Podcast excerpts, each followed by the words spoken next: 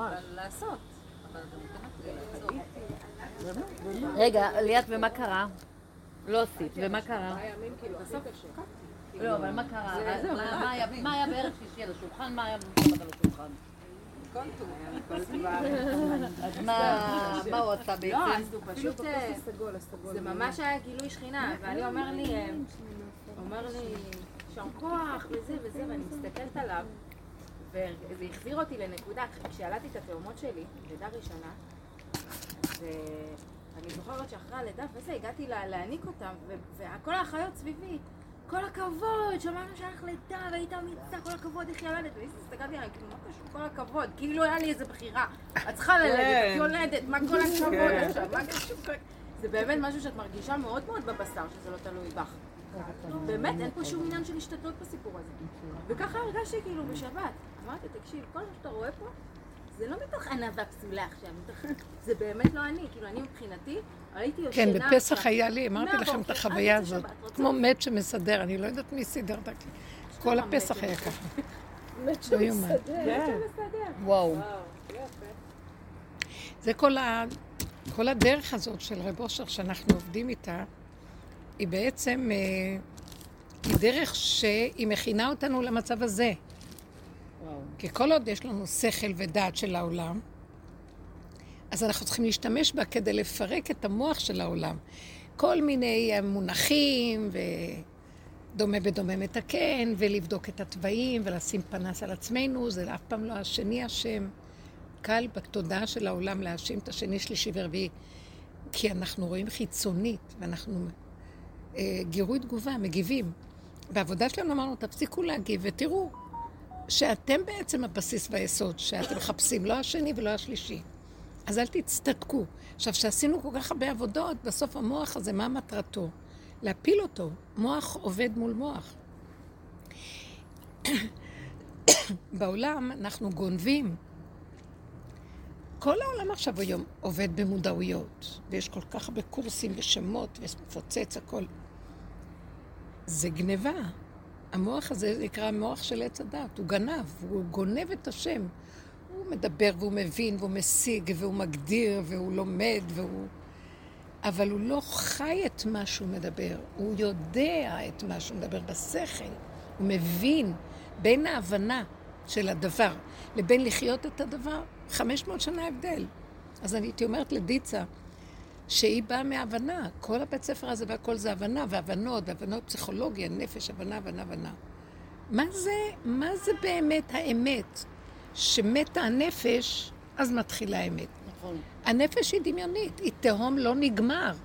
הנפש של הבן אדם היא חולה, אנחנו חולי נפש. אין סוף, תבוא תטפל בזה, יגלה לך זה, יגלה בזה, תבוא זה, תבוא זה, אין לזה סוף. מה שאת מתארת זה התוצאה של בסוף. אין כלום. כל האני הזה נופל, התודעה הזאת זה דמיון אחד גדול שבסוף קורס, אחרי שכל מתבוננים בו. כאילו שמת עליו פנס והתבוננת על מקומו ואיננו. ואז מתחילים לגלות את האמת. מה האמת? שאדם גורניש, כלום אחד גדול. אם לא נותנים לו את הנשימה לרגע, הוא נעלם. זאת החוויה שהייתה לה. חוויה של כל כך כלום. אני אגיד לכם את האמת, אני נכנסת לפאזה, ואני מדברת על זה לאחרונה, בעלונים, אתם שמות לב אולי אם אתן קוראות. איזה אלונים? אנחנו נכנסים לעולם התוהו. התודעה של, של העולם היא עוד, היא דמיון הדעת, היא דעת. כאילו אנחנו יודעים הכל, וייתם כאלוקים, הכל דעת, זה חטא עץ הדעת. אז הכל נדמה לנו שאנחנו, והכל חיובי, ורצים קדימה, ושאיפות, וגדלות, והישגיות. זה, זה בלון שמנפחים אותו עוד קצת, עוד קצת, עוד קצת. בסוף, הדרך הזאת שעבדנו שמה בו סיכה והוא מתפוצץ. מה נשאר? הגוף המסכן העלוב הזה, זה כמו דג מת. אם מישהו לא ינשים אותו, איך נראה דג מת? אין לו חיוך. ואז הוא יראה לך. עכשיו, אנחנו מחפשים, התכלית היא להבין שהמוח הזה גנב את השכינה, גנב את מלכות השם. מה זה שכינה? זה השם שמתאים לרובד האורגני. זה אור אלוקי שמתאים לפה. אז השטן, נחש עץ הדת, גנב את זה, כאילו הוא, יודע, והוא שם אותה מתחתיו. עכשיו, הוא יונק את החיות שלה, גונב ממנה חיים, כי אין לו, השקר אין לו רגליים. ממה יונק השקר שנראה מציאות? מנקודת אמת שיש בתוכו, תמיד בכל שקר יש נקודת אמת. ואז מזה הוא מתרברב. אני ואני ואני ואני, ומה הסימן שלו? שלא יכול לסבול את האתה. אם מישהו יגיד גם דבר, אז הוא ישר יתווכח ויריב ויסלק את השני והוא קודם. וזה הפך המציאות של שכינה, שכולה אחדות, התקללות, שמחה שאינה תלויה בדבר. ככה אוהבים, ככה. לא חשוב. אתה אומר, זה אומר, זה יגיד, הכל בסדר, זה כולו ידיים, רגליים, ראש של אותו גוף. אז מה, אני אריב עם היד שלי? אבל הנחש זה משהו אחר, וככה אנחנו חיים בתודעה, קנאת איש מרעהו. כעס, תסכול, חרדות, מאוימות נוראה, כל אחד מאוים מהשני. שלא יחשוב שאני הוא לא משהו, שיראה אותו בצורה אחרת. וכל הדרך של שנים של עבודה מתישה, זה רק להתבונן את השקר. כמעט אין בדרך שלנו תגובה. מגיבים, נופלים, קמים, אבל כל העיקר זה לא להשיג תוצאה אצל השני, זה לראות את עצמי. וזה שוחט את האגו. זה קשה, כי בדרך כלל אנחנו רואים את עצמנו בשלילה. גם אם אני אראה את עצמי חיובי, אני יודעת שאני הגנבת הכי גדולה. אז הכל שלילה בעצם. גם אם זה נראה חיובי, אני שולל את החיובי. כי לדעתי אפילו החיובי יותר גרוע מהשלילי. כי השלילי אומר אני גנב, והחיובי גנב שאומר לא אני צדיק. אז זה יותר גרוע, זה כיסוי נוסף. אז כל המהלך הזה, בסוף מה מטרתו? להביא אותנו ש... וואו. אה, אני עברתי את החוויה הזאת בפסח בצורה הכי חזקה שבעולם. כאילו, אה, לקחו לי את כל הכוחות. עכשיו, את עומדת בבית שהולכים להגיע אליו המון אנשים, וצריכים לבשל ולסדר. ול... כמה שלקחתי עזרה, אני כמו, לא יודעת מי העמיד אותי על הרגליים. בקיצור, אני לא מבינה איך החג הזה היה. ואיזה דרגה של חיבור ושכינה ושמחה, שכולם, אף אחד לא האמין, אני הסתרתי את זה, שאני בעצם מת מהלך, ומי שעשה לכם את כל זה, זה, זה לא אני, זה משהו דרכי פועל וזה לא אני. אף אחד לא היה מבין את זה. וואו. אז נגמר הסיפור. החוויה של גילוי המלכות של השם היא חוויה של הבן אדם עם עצמו בככה קטן, ואין לו דיבור לדבר את זה. מי יבין אותו בכלל? חשבו שהוא משוגע. אני, אני מרגישה שאני נכנסת לפאזה, לאחרונה זה קורה לי מאוד, שהמוח, אה, מוח מסוכן, אנחנו נכנסים לתוהו. אתם יודעים מה זה תוהו? כן. תוהו זה עץ הדת מתחיל להתגלות שמתחת לכל ההוא-הא שלו, הוא עומד על ריק, כלום, תהום. אז מתחיל להתגלות התהום הזה, והתהום הזה, אם אני אשתמש בשכל שלי להבין מה, איך, לפחד, להגדיר, הוא יבלע אותי חיים, אני אשתגע. אסור להיכנס בתור עם שכל. כשעוד מדברים, ושעוד משיגים, ושעוד יש הגדרות, ולומדים, ושיעורים, וכל זה, אז זה עוד עץ הדעת מדבר. הוא יכול לקחת אה, נושא של אמת, אבל זה דיבור על האמת, זה לא אמת. אמת זה בבשר החי. מה ההבדל בין דיבור של אמת, שזה הדבר הכי טוב, יותר טוב מדיבור של שקר? אבל דיבור של אמת עדיין זה לא האמת. האמת זה שתוק, תחיה את מה שאתה אומר. וכשאתה בא לחיות את מה שאתה אומר, כל השכל שהבנת נעלם לך, ובכלל זה לא תואם לאמת. תבינו, בין ההגדרה וההבנה של האמת לבין החוויה שלה, כאילו את אומרת, זה משהו אחר לגמרי. אז, אז אנחנו יכולים להבין איפה בכלל העולם, לאיזה כיוון הולך, והעולם מתחיל להיכנס, לעולם, לא שמים לב לזה אנשים, אבל אני קולטת, הוא נכנס עכשיו לתוהו ובוהו. מה זה התוהו ובוהו? עץ הדעת, בואי אגדיר לכם. עץ הדעת זה דמיון הזמן. האמת שיש רק רגע אחד. האמת שיש רק מקום אחד. האמת שאין מדרגות בנפש האדם. נקודה קטנה של חיות, יחידה, מדרגת היחידה. כשעץ הדת מופיע, זה האמת של העולם. זה שם השוכן האלוקי, בנקודת האמת, שם השכינה. פעימת אמת שמתחדשת היא יחידה קטנה ואין לה אחד ועוד אחד. טק, טק. כמו ילד קטן, ראיתם איך הוא חי? הוא לא, הוא לא עושה חשבונות, הוא לא צובר, הוא לא יודע. הוא מתחדש כל רגע וקופץ מרגע לרגע, אף אחד לא מבין את השכל שלו. אין לו היגיון כמו בני אדם. עכשיו, עץ הדעת לוקח את הנקודה הראשונית של האמת, שיהיה תמיד חייב להיות נקודה ראשונית, אקסיומה ראשונית, והוא עושה אותה שתיים, שלוש, ארבע, חמש. ממה מורכב השתיים, שלוש, ארבע, חמש? מאחד ועוד אחד ועוד אחד ועוד אחד, כן? תמיד זה חוזר לאחד, אבל הוא מרבה, והוא עושה הרבה, ואז נהיה קומבינות, ואז נהיה אה, ענפים, סבך של יער, ופקעת, ואז המציאויות נוצרות מהדמיונות של הריבוי, ואז יש דמיון, מציאות כזאת, מציאות כזאת, ואנחנו הם, מחקים את המציאויות, והרבה אנשים מאמינים למצב החיצוני, והתרחקנו מיסוד האמת. מה עשינו בעבודה שלנו? פירקנו את השקרים, וראינו, או, מה את כועסת על השני? מה את, מה את אה, אומרת עליו לשון הרע? את לא רואה שאת בעצמך גם כועסת כשאת מספרת שהוא כועס ושהוא מתנהג לא טוב? את בעצמך עושה את אותו דבר. או שאני הקפדתי על בעלי שהוא קפדן מאוד גדול, אבל אני הקפדתי שהוא קפדן. וכן כל מיני תגובות שאנחנו רואים. החרדה, אני, אתם שמתם לב מה היה ככה, היום הייתי ברכבת בירושלים, ופתאום ה... זה הנהג עשה מין ברקס כזה, אף פעם לא היה דבר כזה ברכבת. היא, הרכבת הולכת כזה, מאוד נעים. וכל האנשים פשוט נפלו אחד על השני כמו בניין קלפים. ואז היה מין הלם כזה, ואחרי כמה שניות אה, התחילו להיות, אפילו לא צעקות, צחוקים, וכל מיני קולות של צעקות, ופתאום אנשים הוציאו צעקות כאלה, לא צעקות של פחד, אבל... ואז אני ראיתי מוציאים את ה... חייבים להגיב לחרדה שהייתה. אז התגובה השנייה לחרדה זה הצחוקים. כולם התחילו לצחוק ולצחוק כמו משוגעים. אמרתי, אנשים משוגעים. צוחקים וצוחקים וזה צוחק והוא מדליק טוב והוא מדליק וצוחקים וצוחקים. והבנתי שזה התגובה של השחרור כן. של כל השוק הזה של הרגע הראשוני שלא ידעו מה לעשות לרגע. וככה אנחנו חיים, מנקודה לנקודה לנקודה אז זה מגיב על ההוא, זה מגיב על זה, זה מגיב. והנקודה שראינו והתבוננו זה אל תגיבו.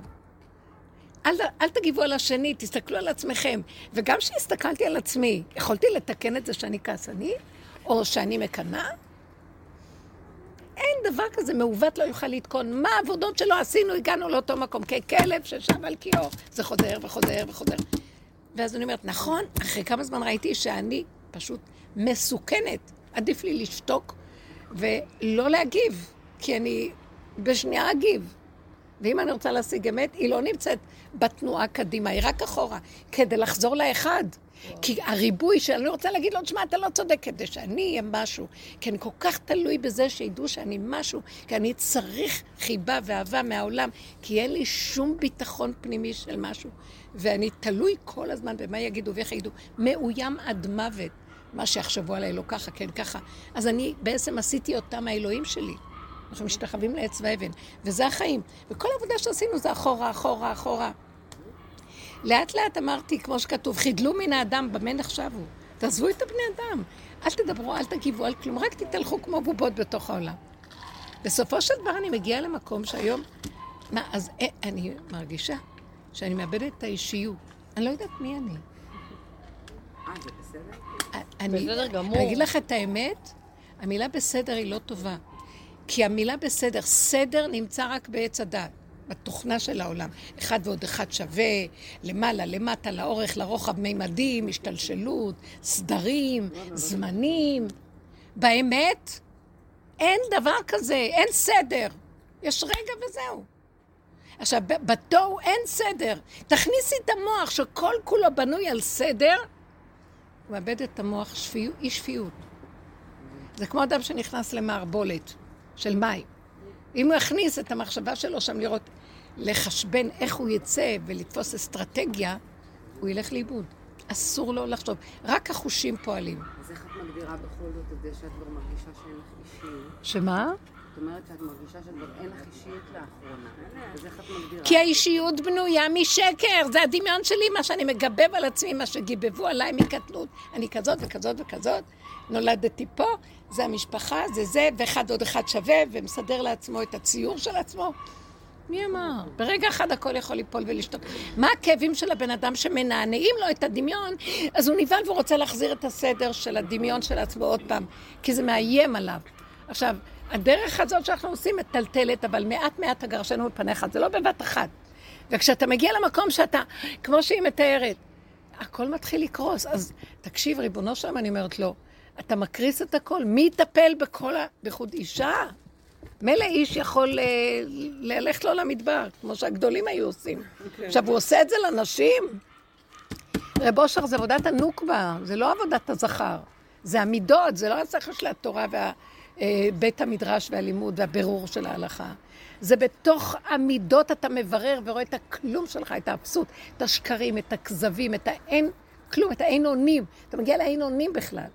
באין אונים הזה, מי יכול לעשות עכשיו? הילד... כי אז אני פתאום רואה, מי ילד לי? מי סידר לי בדמיון שלי? כוחי ועוצם ידי. אנחנו חיים בתרבות של כוחי ועוצם ידי. כל אחד יש לו, הבית היהודי אצלנו ככה, הם יולדות טק, טק, טק, טק, בלי עין הרע. ואז אני אומרת להם, אם אתן רק הייתן יודעות מה אתן עושות לעצמכן, אבל מה, מה גונב אותם? הגדלות והאמונה, זה של השם, וזה זה. הכל דמיונות, ציפורים שמספרים לעצמנו. שילדו כמה שהם רוצים, ושידעו שזה לא הם, ושהם לא יכולים. אבל לא, לא חווים את זה. למה לא אני יכולה? זה דמיון האני. אף אחד לא יכול כלום. אם השם לא יהיה זה, אם השם לא ישמור עיר, שב שקד שומר. ואם השם לא יבנה בית, שב עמלו בוניו בו. וכל האשליה שאנחנו חיים פה... חבר'ה, אני אומרת לכם, אני לא... יש לי משהו בפנים. השם הולך לטלטל את השטיח ואת הארץ. זה לא... היו הקדמות רבות. זה לא פשוט. הוא אומר, די, די. מה שקרה כאן זה הדוגמה. עולם התוהו מתחיל להיכנס. מה זה עולם התוהו? הפך עולם הסדר של עץ הדת. עולם התוהו זה עולם הכלום, עין. עכשיו, השכינה שוכנת שם, בגלל שחוק השכינה הוא דומה לחוק העין. אין לה זמן, אין לה מקום, היא יכולה בכל רגע להופיע. אין ציפייה. בשיר השירים, אה, כך כתוב, כל דודי דופק, פתחי לי אחותי רעייתי עונתי תמתי דופק. קמתי אני לפתוח לדודי, דודי חמה קבר. אני, אני באה, אני מתלהבת, עושה אחד עוד אחד שווה, הוא אוהב אותי, הוא בא, אני אפתח לו. הוא נעלם לה בשנייה. אה, אז היא אומרת לו, אבל, אבל אתה דפקת בדלת, לא? מה זה קשור? כאילו, מה קשור שדפקתי? את חושבת שזה קשור אם דפקתי שאת צריכה לפתוח לו? אפילו שאני אומרת, פתחי לי. אז מה אם אמרתי? אתם מבינים מה זה? אפשר להתמוטט פה במוח. השכל לא יכול להכיל את הדבר הזה. ואנחנו חיים בתרבות שכלית כביכול. אחד ועוד אחד שווה. מה הוא עשה לנו בקורונה? טלטל את כל המציאות, וכולנו, אה? הרבנים עם כל הדעת הכי גבוהה של השכל של התורה והכול, לא היה חזון, כי גם שמה אין את המקום של העין, יש את המקום של היש. מול השלילה של העולם יש חיוב של דרכי התורה, אבל עדיין זה בתוך עץ הדעת. אנחנו חיים עם התורה בעץ הדעת. נעלמה, האור הגנוז של הלוחות הראשונים נעלמו ואנחנו חיים, משה רבנו היה לו כאבים מאוד גדולים כי הוא הביא לנו תורת אמת, שמהבשר היה צריך להיות רק עשרת הדיברות. משם היינו יכולים לדעת את כל ההלכה מהבשר שלי. אני כל הזמן אומרת. רגע, רגע, לא, לא, לא הבנתי. רגע, אה, את מדברת על הדיברות השניות? מסתדרים יופי. כן. בתי משפט לא צריך כלום. עשרת הדיברות. יש שם את הכל. חז"ל אומרים את זה, זה לא ממני, אני לא מדברת. הלוחות הראשונים היה חרוט על הלוחות, כמו שחורטים על הבשר. ואפשר היה לראות את זה משני איברים אותו דבר. את אותה דיברה אפשר היה לראות משני איברים. משמע שאין דבר והיפוכו, נגמר הדבר והיפוכו. הכל זה אחדות הבורא. עץ הדת, כל הזמן הוא חייב לנגד. זה ככה, חכה, לא, יש הפוך. אתה עושה את זה, מי אמר לך שזה טוב? אולי אבל, ואם ופן. אדם משתגע, כל הזמן הוא מטלטל אותנו בספקות שלו. ב... אין שום בהירות, שום... רגע, נראה לך השגת משהו? חכי רגע. מישהי אמרה לי, את נראית כל כך טוב, אמרתי לה, חכי רגע. אחרי רגע אני על הפנים. וככה זה החיים פה. את לא יכולה להחזיק בשום דבר זמן ממושך, כלום. כי זה הקצב פה, כל, אבל לא שמים לב לזה. וכאדם חי בתודעה שהנה עוד מעט הוא הולך להגיע, עוד מעט הוא הולך להגיע, וזה שם, אבל עוד מעט יגיע, אין כזה מקום שנקרא שם. השכינה מתגלה, אין אצלה מקום שם. כאן. תגידו, הנביא אומר, אה, ביום ההוא יהיה השם אחד ושמו אחד. במצב הזה של העתיד לבוא, יהיה אחדות. אה, קרב יום אשר הוא לא יום ולא לילה. אז איזה יום זה? איזה זמן זה? שיכול להגדיר אותו? הנביא ישעיה אומר שלעתיד לבוא, הרה ויולדת יחדיו. רגע היא בהיריון, רגע היא יולדת. אה, אבל יש תשעה חודשים? לא, אין. אין תהליכים. זה, התהליכים נוצרו כתוצאה וואו. מההתרחבות של עץ הדעת. אחד ועוד אחד ועוד אחד ועוד אחד ועוד אחד. אז נהיה תהליך. באמת אין שום תהליך, יש טק. אנחנו יוצרים את הזמן. אנחנו יוצרים את כל הסבל שבין הזמן הזה. למה אדם צריך לעבוד קשה? כי הוא אומר, לא, אם אני לא אעבוד קשה, אז מי יעשה כאן את כל האוכל? לא, את יכולה להושיט יד והכל יעשה. לא קולט את זה, לא, לא, לא. אז הוא עובד קשה. התודעה מעבידה אותו. אנחנו בשעבוד פרעה בראש הזה, מה חשבתם? אז לא, זה נקרא מצרים, גלות מצרים. הוציאו אותנו ממצרים, חזרנו להשתעבד. אה? אני אומרת, עכשיו שאת אומרת את זה, באמת לקח לי את השכל. בדיוק, בדיוק, לקח את השכל והתקצרו התהליכים. את יושבת כאן, עכשיו פתאום בעלך אומר, וואו, ואת אומרת, אבל זה לא אני. לא יודעת מי סידר את זה, איך יכול להיות? זה הבעלה הראשונה שאחזה בי, אני אומרת, ערב פסח, הכל בלגן, ואני לא יכולה לזוז. אז איך זה יסתדר? אחרי רגע אמרתי לעצמי, תביני שאת חייבת לזוז, כי את מפריעה לזה להסתדר. נכנס אור אחר, הוא שם לי את זה בהבנה, בהכרה. ותני לו לפעול ותראי איך. באמת אני ראיתי איך הגיעה עזרה, ואני גם קמתי, איך יכול להיות שאני קמה בכלל? והכל נהיה ונהיה ונהיה, וכל פעם אחרי שנהיה, וכולם הלכו, נשכבתי במיטה, לא נהיה. עוד פעם, עוד פעם, עוד פעם. זה שלו, לא שלי. מה שהוא רוצה עושה איתנו. זה נקרא שמתגלה שכינה, ואיפה היא מתגלה? בתוהו. אז כשהיא מתגלה, ולאחרונה היא מתחילה להתגלות, אתם רואים שנעשה תוהו. מה זה תוהו? הסדרים מתרועעים. לא ברור. זה נראה כאילו, מה? זה לא הגיוני. וכל פעם מנסים לסדר שיהיה היגיון, וכל פעם בסדר, ועוד פעם מושך לנו, ועוד פעם. זה לא נורמלי. המהלכים האלה, אנחנו, כי אם אנחנו נרפה מההיגיון, אנשים ישתגעו. זה צריך להיות אנשים מאוד חזקים, שיש להם תהליכים של הכרה בעבודה, ואז כשקורה דבר שלא הולך או לא מסתדר על פי חוק האחד ועוד אחד שווה והסדר, הוא לא מזדעזע. כי כבר לקחו לו, השכל מתחיל ליפול, והחוזק של העוצמה של המוח הזה, שהוא כולו דמיון ואין לו שום עוצמה, אבל כשהרבה אנשים מתנהגים ככה, זה יוצר מציאות. אז המוח הזה מתחיל להתנדף. אז הוא לא מגיב. ואילו האדם שלא מסתדר לו מה ש... אם היינו רק מבינים את המפה, שכל פעם שלא מסתדר לנו, זה סימן של גילוי שכינה. היא נכנסת במקום של הסדר ועושה סטופ. זה סימן שהיא מתגלה. אימא'לה, מה אנחנו עושים? מי רוצה שכינה בכלל? עכשיו, אני מרגישה שנעלמת האישיות המוכרת. שזאת אומרת, הדמיון נופל לי של מה שאני חושבת שאני... מקטנות מספרים לנו סיפור, אני מספרת לעצמי, כן? ואז אני אומרת לעצמי, אימא'לה, אה, אז אני מבינה, לא רק מבינה, מהבשר אני יודעת, זה הולך להיות גילוי שכינה, פתאום אני אומרת, לא, לא, לא, לא, תחזיר אותי כמו כולם, רגיל, רגיל, אני אני מפחדת. תחזיר אותי למצרים. אני מפחדת. כן, תחזירו אותי, השומים והבצלים שאכלנו שם היה יותר טוב. תקשיבו, זה פחד, קל לדבר. זה כאילו הדהויה. אני לא יודעת מי אני, לאן אני הולכת, מה קורה איתי. מה התכלית? אה, זה אם אני אפתח את המוח, כי מתחיל התוהו, ואני אתחיל לחשוב, אני יכולה להשתגע. אני אומרת לכם שאני מפחדת מזה.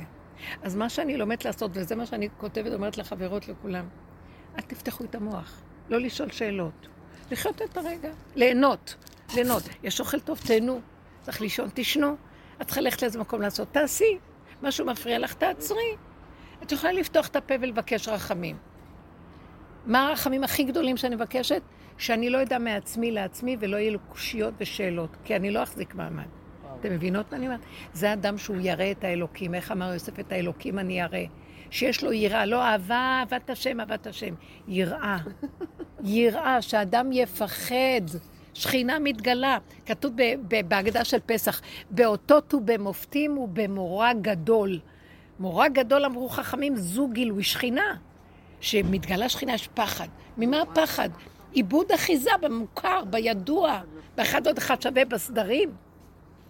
תקשיבו, אנחנו הולכים לתוך המקום הזה, וזה הולך ונהיה. המקום ינחם אותך, ברוריה. היא קמה מאבל של אבא שלה. כן.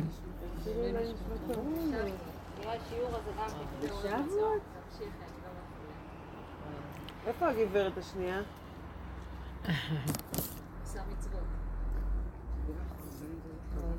אז בקיצור, מה שאנחנו מדברים פה זאת עבודת אמת. התכלית שלה היא בסוף להגיע למה? מי אני ומה שמי בכלל? מי כולנו פה? זה המושג מקשקשים, אין עוד מלבדו, אין מלבדו, אבל גם יש עוד מלבדי גם. אם אני גם משהו, מה? והאמת היא שבאמת, אם לא נעבור את המהלך הזה, ונלמד איך לחיות איתו בלי להזדעזע, איך אפשר לא להזדעזע? אם המוח פתוח, אני, אי אפשר לא להזדעזע. רק שאני לא יודעת, מעצמי לעצמי, תינוק יודע, לא יודע. איך אמר דוד המלך, כגמול עלי אמו, כגמול עלי נפשי. קטן, לא יכול. בחוש, אם אני אפתח את המוח ואני אתגדל, המוח רוצה לגדול. זה... אז איך זה... זה... איך- קוראים לזה? זה זה קריסה. בטוחה, מה? בבית אני מרגישה את זה, כאילו, נניח, אה, הזוגיות אה, מתקיימת, הכל טוב, אבל זה אין כבר את ההתרגשויות והזה לפה ולפה. עכשיו, זה זה לא... נפל, איזה זה. בואו לא. נדבר על זוגיות, כן, לא, תשאלו. עכשיו, העניין הוא כאילו, באמת, כאילו, אה, באמת, זאת אומרת, זה, זה משהו שכאילו, זה לא שהיה, בשנים האחרונות התחיל להיות בעיות. לפני זה כל, הכל היה די אה, ורוד ויפה. די. מה זה אבל, ורוד אבל יפה? כשהבנתי שאני מרצה ואני מסדרת לכולם את העולם והכל בסדר, אז הכל אה, בסדר, ורוד. זאת אומרת שהבנת שאת בעצם קבורה בפנים ובחוץ זה הצגה. נכון, אבל אפילו לא... אבל אנחנו לא חשב- יודעים. אבל, אבל, אבל אה, אתם יודעים שאנחנו אפילו לא יודעים את זה. ואז יש מדי פעם כאבים, אז מלבנים את העניינים. אחד טוען על השני, וזה, כן. מלבנים. אבל לא ייגמרו אף פעם הבעיות במציאות הזאת, כי תמיד דפוס החיים גורם, דפוס החשיבה. באמת שהתחלנו לראות, אמרנו, תשתקי. פתאום, בהתחלה, שהתחלנו לעבוד, כל הג'יפה צפה, כל האמת מתחילה לצוף כן. בכלל. הכל אינטרסים, אף אחד לא אכפת לו מאף אחד, רק כל אחד רוצה להראות שמשהו וזה, וכל אחד רק... אה, נכון. כל מיני דברים שראיתי, גנבות דעת נוראיות, מה לא? כוח, שליטה, קורבניות, מקרבן וקורבן, ומה לא? ואז אני אומרת לעצמי, וואי, אה, מה קרה בזוגיות? אז בעלי אמר לי פעם אחת, פעם היינו מתקשרים, כי הפסקתי כבר לדבר, כי פחדתי שאני יוציא אה, לדבר עם האמת, אז אני אגיד לו את האמת בפנים, הוא לא יכול להכיל אותה. שאני אגיד לו שלא אכפת לי ממך באמת, אתה יודע, זה מה שהבנתי. שאני בכלל רק רוצה לנצל אותך כל הזמן, אתה מבין? הוא לא יכול לעמוד באמת הזאת. לא. אז כשראיתי את הדבר הזה, הפסקתי לדבר, אז הוא אומר לי, מה קרה לך מאז שאת בדרך? את לא, מד- אנחנו לא מדברים. אמרתי לו, מה שדיברנו קודם זה היה רק מריבות, ורק היה ויכוחים ונצחנות, וכל אחד רוצה ל... אבל אה, אם אתה רוצה שנמשיך עם התקשורת הזאת, זה לא תקשורת, זה תשקורת. האמת שאנחנו רוצים לחפש ולתפוס את נקודת האמת זה שתיקה. יש, יש דיבור, התקשורת לא חייבת להיות עם מילים ושל שפת עץ הדת. חוויה של פשטות, נחמד להיות עם השני בשקט, זה עושה משהו, זה עושה משהו. אפשר להעביר את המלח. נחמד מאוד, מה יש? לא חייב. ולפעמים יכול להיות שהשם מדליק ונותן איזה דיבור יפה, או איזה לימוד משותף. אבל ישר אני ראיתי, ישר אם אני טיפה אדע קצת יותר, האגו הגברי מאוד מאוים מזה. אז איזה אמת זו? אז ככה זה. לכן אמרתי, האמת היא שאף פעם אי אפשר זוגיות אמיתית עם אף אחד, עם הבעל, עם משפחה, חברה, אם האדם לא קודם כל בזיווג עם עצמו. מה זה זיווג עם עצמו? שהוא יכיר שהוא לא. יכול לקבל את פגמו. מה הפגם? אני לא יכול להתאחד, כי אני משהו אחר והוא משהו אחר. עכשיו, כשאני מקבל שאני לא יכול להתאחד, יש מי שמאחד. כשאני מקבל שאני רק, אני רק בשר ודם, אני כלי, אני כיסא, שעליו צריך לשבת משהו ולהנהיג אותו. אז יש מי שיושב ומנהיג ומחבר לרגע. והחיבור של הרגע שהוא נותן, זה יכול להיות, זה מחזיק את הנישואים לנצח. אתם לא מבינים איזה איכות יש לרגע של גילוי. במקום כל השטיקים והטריקים שאנחנו עושים כדי לחבר ולסדר כן. זוגיות, והגנבות דעת האלה והכול. וכולם עייפים זה מזה כבר. ועשו שם, אז בואו בוא נפרק ונ- ונבנה עוד פעם חיים אחרים. ואותו דפוס חוזר, חבל לפרק וחבל שום מבנה אין. נכון. תשארו באותו מבנה, ובמבנה הזה נמית את השטן הרשע הזה של המוח השקרן, של התודעה שלנו, ובאותו מבנה נקום לתחייה מחדש, תחיית המתים. ואני ראיתי שאנחנו היום זה משהו אחר לגמרי. שקט, כבוד שהוא כבוד השכינה, זה משהו פשוט. אני לא יכולה להגיד דבר שזה לא, הוא לא יכול לעשות דבר שלא, אנחנו, וכל אחד צריך לקבל כי ככה וזהו, כי ככה. נאמנות אמיתית של בלי לחטט ובלי להטיח דברים ובלי אה, להתווכח ולהתנצח ולהעליב ולהשפיל, כלום, ככה וזהו. מהמם, אה, אתם שניכם בדרך, אז אה, באותה דרך, אז זה אה, מהמם. אני אגיד לך את האמת, לא, הוא לא לא, בדרך לא, איתי, גם- אבל מספיק שאחד הולך ככה חזק, נכון. נכון. בייחוד אם זה האישה, נכון. האיש מקבל. כי הוא רואה שבעצם טוב לו יותר. בטבעם של הגברים שהם יותר קרובים למצב הזה, הנשים קשקש- מקשקשות, מלאות רגש, "אה, שערות, איפה היית, לא היית, לא אמרת לי, כן אמרת לי, מה אמרת לי? אה, שחררי. שחררי, לא קשור אלייך כלום. אני חושבת שהדרך הזאת מושכת נשים שיש להם איזה אלמנט גברי מאוד חזק בתוכן. נכון. נכון, נכון, אה, נכון, נכון, נכון. זה- הרבה פעמים אומר לי, נראה לי לפעמים שאני הנוקבה. לא, זה, כי צריך כאן הרבה, את צודקת. לא, שאני כאילו לא מתרגשת, לא עושה עניין מכל דבר בקטע של... לא, צריך כאן, אתם, אני רוצה להגיד לכם. איך אמרו במצרים? לא. בזכות נשים צדקניות נגאלו. הנה, עכשיו, עכשיו ועתידין אנחנו- להיגאל, ועתידין להיגאל. בעזרת השם. אז עכשיו, מה הכוונה נשים? הגברים זזו, והם יהיו, כמו נוקבות. כל הבן היאור ליאור. התשליכון, את הבת תחיון, תנו לה... אנחנו לא רואים את הנשים היום, הגברים ביאור קבורים.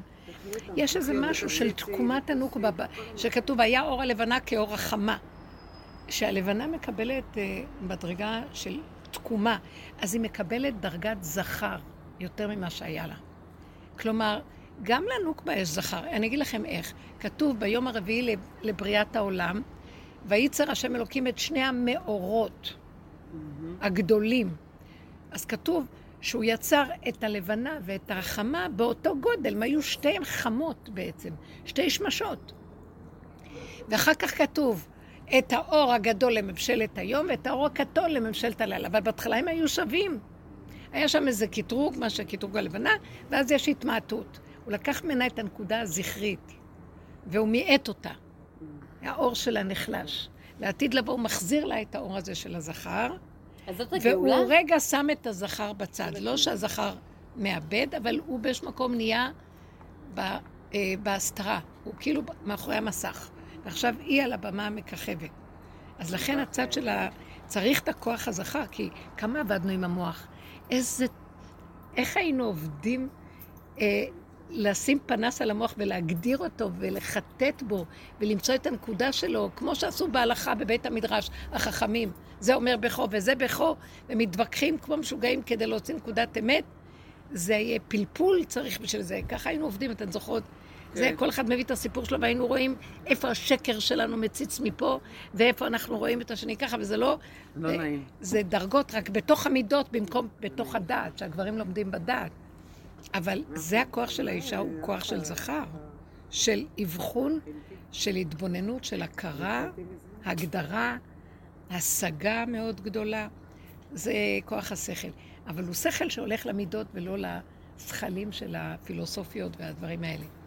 אז, אז זה המקום, בסופו של דבר, אבל גם עכשיו אנחנו נכנסים למדרגה נוספת של צמצום. שבאמת מחפשים אמת, מהי האמת? האמת נהדרת, כי כאן האמת נקודה ונהיה הרבה. אנחנו צריכים לחזור ליסוד הראשוני. היסוד הראשוני הוא כלום, הוא קטן, והוא כל רגע נעלם. אז מי אני ומה שמי, ומה בכלל אני צריכה? עכשיו, אני אומרת, אני, מחשבה ראשונה באה, אני רוצה לעשות משהו, אני עושה. אני רואה שאם משהו מקשה עליי ולא הולך, אני מפסיקה. כי אני לא בכוח, אסור בכוח להילחם. כי מתחדש משהו אחר, מזווית אחרת, שיכול לסדר לי את מה שאני צריכה. רק עכשיו להרפות. משהו בתוך המציאות של העולם של האמת, מסתובבות פה סיבות ומסדרות את הדברים שצריך. למה לנו לעמול כל כך קשה עם הכוחנות שלנו? אז המהלך עכשיו שקורה הוא שאנחנו מתבקשים להישאר בלי הרבה מוח. מינימום קיומי של אבחון, תוכנית קטנה, נקודה קטנה, וללכת לפעול. אז איך בעבודה? איך זה מסתדר עם העבודה? עבודת השם כבר נגמרת פה. לא, אני מדברת איתך עבודה, עבודה. פרקטיקה. אני מדברת, אני במחשבים, בסדר? יפה, צודקת. היא צודקת. במקום כזה, בן אדם. כבר רואה כמה העולם מנצל אותו ומשעבד אותו, והוא לא מוכן יותר להמשיך, ירעב. הוא לא ירעב אף פעם ללחם. מתבצרת לו ישועה של פרנסה ממקום שאתם לא יודעים, מידו המלאה, פתוחה, קדושה והרחבה, כי אין מחסור לרעב. אנחנו לא מבינים את הדבר הזה, אנחנו במוח אומרים זה ועוד זה, יהיה שווה זה, אז אם אני לא אעשה את זה, אז מאיפה אני אעשה את זה ואני לא אעשה... וכל היום חרדתיים, ולא חסר דבר, וכל היום חרדים. מה יהיה מחר ואיך נתארגן. לא. אה, בנקודת האמת שלוקחים לנו את המוח הזה, אני לא יכולה לחשוב עוד רגע מה אני אוכל. הרגע יש לי משהו, תודה. לא יודעת מה יהיה עוד רגע, ולא יחסר עוד רגע כלום. אם אנחנו נאמן את עצמנו ככה, והוא מכריח אותנו כבר לדבר הזה. זה מה, ש- מה שהיה בגל הראשון של הקורונה, שזה התוצאה של עבודה, כולנו ראינו, הצמצום הזה. עכשיו הולך לקרות עוד פעם, אבל לא בבחירת האדם. האדם יהיה חייב להיכנס לשם. זה לא הכריחו אותנו. פתאום היה דבר כזה וכולם היו מוכרחים. פה עכשיו האדם לבד יגיע לזה, בבחירה. באמת? אבל גם, גם, עכשיו, גם עכשיו הייתה בחירה בקורונה. מה זה החיסונים, לא חיסונים, כל הדברים האלה? כל אחד כאילו... זה לא בחירה, לא, זה לא זה לא בחירה. למה? כי הבחירה היא, אנחנו הבאנו את הקורונה. הקורונה זה לא היה קורונה, זה אור של הכתר שירד. כן. אור של, זה האור של קורונה זה השכינה. כתר. זה אור שאין לו סדרים, אין לו, הכל מפסיק. אה, בתי הספר הפסיקו, כל הממסדיות נפלה. בתי ישיבות, בתי כנסיות. אני ראיתי את בעלי משתגע, גברים בשכונה השתגעו, הם היו חייבים להתפלל במניין כשלא היה אפשר. אז הם סידרו מהמרפסת הזאת למרפסת הזאת. ואני אומרת, אני אומרת, ריבונו שלום, אין הכנעה פה. השם רצה שקט, הס כל הארץ מפני הופעה של השם. הוא מופיע עכשיו, תשתקו רגע. לא, הבן אדם לא יכול לאבד שליטה והוא חייב לסדר את זה בצורות אחרות. אין דבר, זה ככה זה.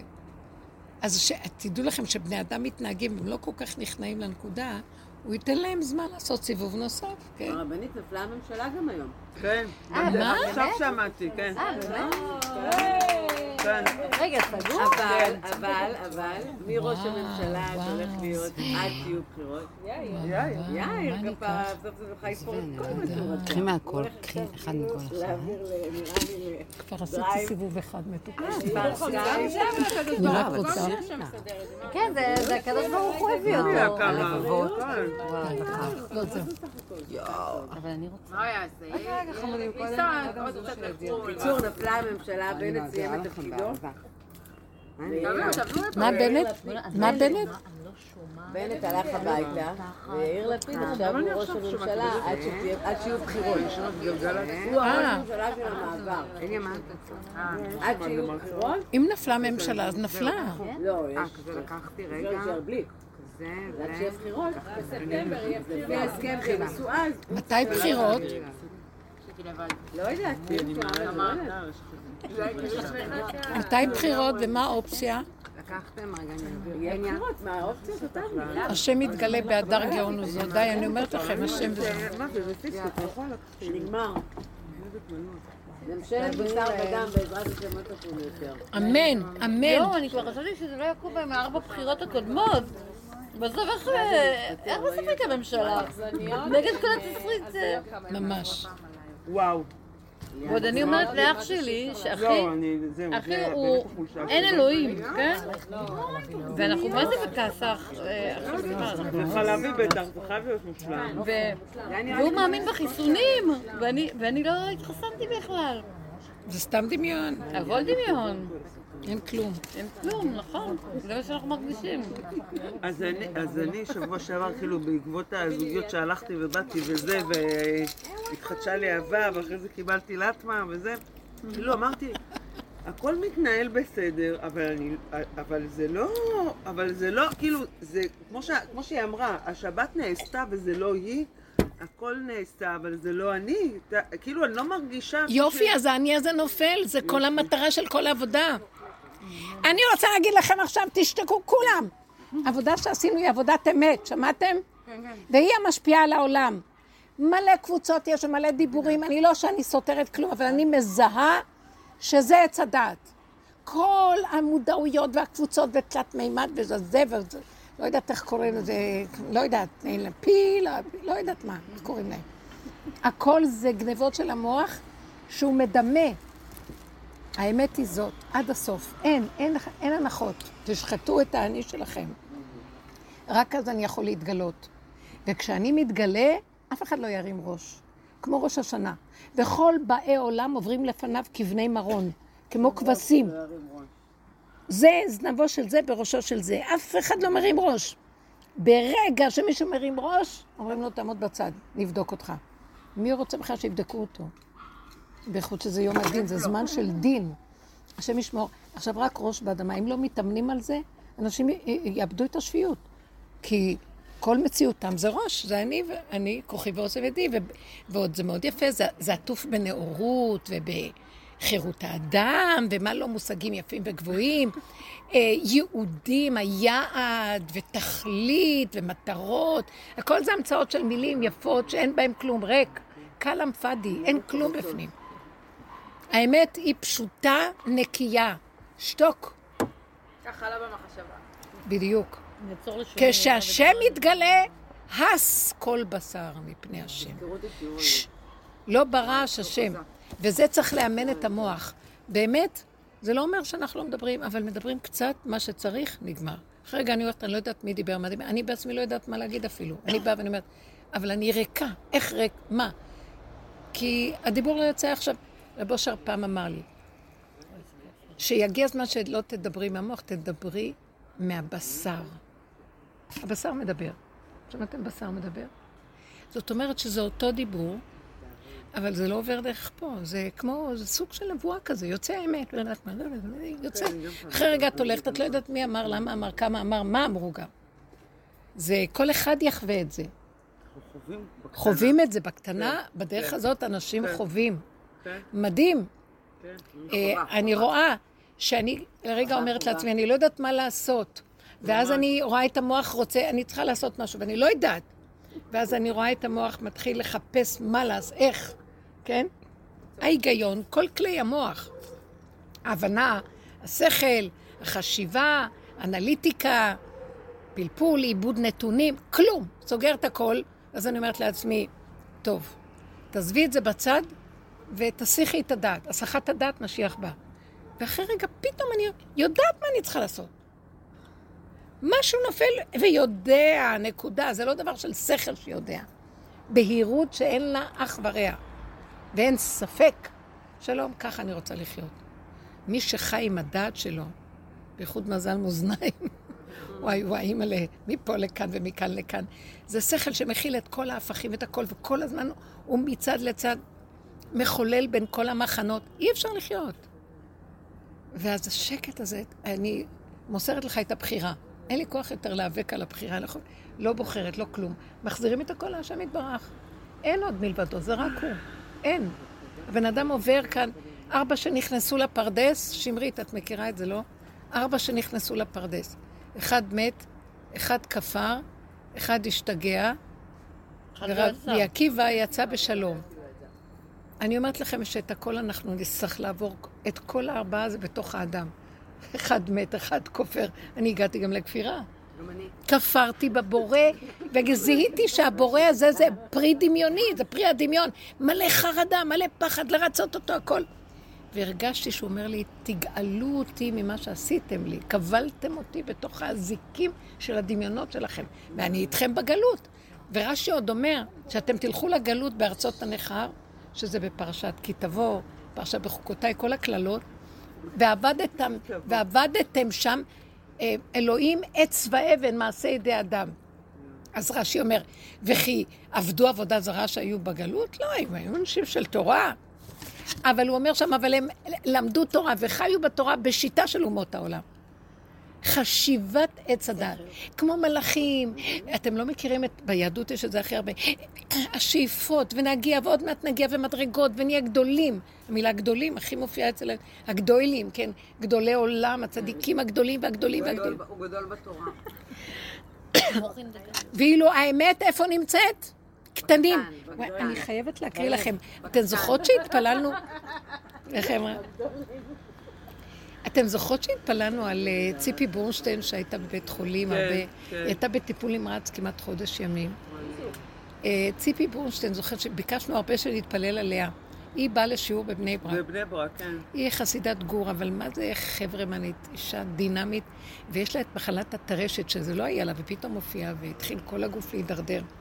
היא מנהלת בית חולים פסיכיאטרי בעצמה, היא אישה מדהימה, מד- אישיות, שכל, כוח. ואז אה, היא התחילה להגיע לשיעורים, והתחילה לשמוע את השיעורים. ואחרי כמה זמן המצב שלה מאוד מאוד הידרדר, והיא שכבה בבית חולים.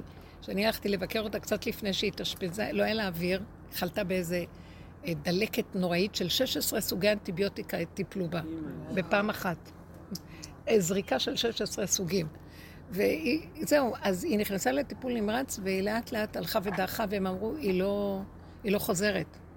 אצלנו בבית בפורים, פשוט עשו, קרעו את השמיים, עשו בית דין, כאילו שגוזרים, אתם יודעים איך זה גוזרים גזרה, וכולם מסכימים שתלמידי חמישים וגוזרים גזרה בפורים, אז הוא התהפך בזה, מה, צעקות היו, ומה לא, וזה היה אומר כן, וזה אומר לא, ורבים, ובית דין כזה. בקיצור, היא קמה לתחייה. היא קמה לתחייה, לקח איזה, בסביבות, קצת אחרי פסח היא התעוררה. אז היא כותבת לי, אחר כך שהיא התעוררה, היא נורא מתוקה. היא התעוררה, והיא היא ביקשה שאני אבוא אליה לבית החולים ונעשה שיעור אצלה בחדר. הוציאו אותה כבר מהטיפול נמרץ, היא התאוששה, ואז הבנות של בני ברק הגיעו, התכנפו, ככה התגנבנו, וישבנו איתה. אני, אני, אני רואה יפייפייה עם פאה, ציפורניים יפות, וכולם אומרת לה, תראי איך את נראית. היא אומרת לי, כן, את יודעת מה? איך שהתעוררתי, אחרי שחודש ימים לא הייתה בעולם. אז בעלי על ידי, ישר ראיתי אותו, אמרתי לו, תביא לי ראי. וזה מסתכלת, היא אומרת, ראיתי את הזקן, את השפם, ראיתי את הגבות, ראיתי... אמרתי לו, תביא לי אישה כזאת, תביא לי זה מי שיעשה לי זאת, זאת תעשה לי את זה, וזה, זה, תביא מי שיספר אותי, מי שתעשה לי, מי שתצבע לי את השיער, כולם. היא נראתה כל כך יפה, מוח כזה חזק, איך שהיא חזרה. כאילו כלום לא... מוח כזה בהיר. והיא צוחקת, היא אומרת לי, הם אומרים לי שאני לא אלך יותר, אבל מה אכפת לי? מה צריך ללכת היום? מה צריך ללכת? יש אוטו, יש כיסא גלגלים. היא צוחקת, עושה צוחקת.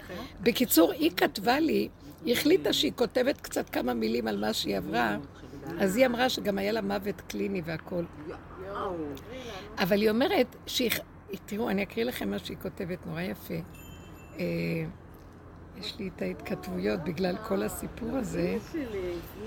אז היא, היא כותבת כאן. אימא שלי. אז היא אומרת, יודעת איזה פחזניות יש. הקדוש ברוך הוא מתגלה בסוכר. היא נכנסה לתש אלוהים, וזה אני, ככה היא אומרת. אמא שלי אומרת בפרשת קורח הוא קם, בפרשת קורח הוא הולך. אה, עכשיו קורח? שבת תהיה השם. כן. אמא שלי מוטרדת מהממשלה. אז היא כתבה ככה, תמיד שמעתי על חולים שברגעים האחרונים היו טהורים ממש, התנתקו מהעולם הזה, הם, הם חוו אורות, אה, אור גדול, סיפורי גבורה נפשיים, גם על ההתגברות שלהם הטוטלית, ההתמסרות הטוטלית לאלוקים. אה, נשים צדקניות שאמרו הרבה תהילים ימים ולילות, קיבלו קבלות, עשו הפרשות חלה. אני לא מדברת בציניות כלל, היא אומרת. מכירים, העבודה שלנו לקחה לנו את הכל. אז היא אומרת, האמת, אני ממש התאכזבתי מעצמי. אני עברתי את כל מה שהן מדברות. אני הגעתי לקצה וגם עברתי אותו, הייתי שם. הייתי פה והייתי שם. הייתי קרובה לעזוב, גם עזבתי וחזרתי. הכנתי וידוי. לא היה לי תהילים, אבל אני מעריכה את מי שאמר בשבילי תהילים. ולאט לאט הרגשתי בדיוק הפוך ממה שכולם מתארים. הרגשתי לאט לאט כמה אני הופכת להיות יותר קטנה, יותר חומרית, פחות ופחות רוחנית, בכלל לא קשורה לרוחניות, מרוכזת בעצמי, אה, ביכולת לנשום כמו תינוק, ללא שאיפות, ללא מחשבת גדלות, ללא מחשבת עולם הבא, כלום. הותרתי הכל מאחור, ורק התכווצתי והתכווצתי והתכווצתי להיות נקודת חומר קטנה, נקודה. תראו מה היא חובה באמת. שאנחנו מדומיינים על רוחניות, על מדרגות, זה כל תודעת עץ הדת, וייתם כאלוקים, שם, שם, שם, הכל שם. היא אומרת לי, באמת, תראו מה היא מתארת. אז היא שואלת, אז איפה גדלות האדם? מה מדברים עלינו כאן על כל המדרגות ועל הגדלויות? למה זה מרגיש לי שאני לא גובהת רוחנית ומתרוממת? אני, היא אמרה לי כמה פעמים, היא, לא, היא באה מחסידות גור, היא לא יכולה לסבול את האדמו"רים, היא ברחה מכל הדבר הזה, האדמו"ריות, ששם זה מאוד חזק. וכל הסיפור הזה, היא אומרת, אה, אני מחפשת עד עכשיו את האדמו"ר שלי, ואני לא יודעת איפה הוא, אמרתי לו, בתוכך וזה את. אין כבר מה לחפש בחוץ. אז היא אומרת את זה, אז איפה גדלות האדם? והבנתי שהכל בתוכי. אבל האמת, משהו בפנים הרגיש לי הכי אמיתי שיש.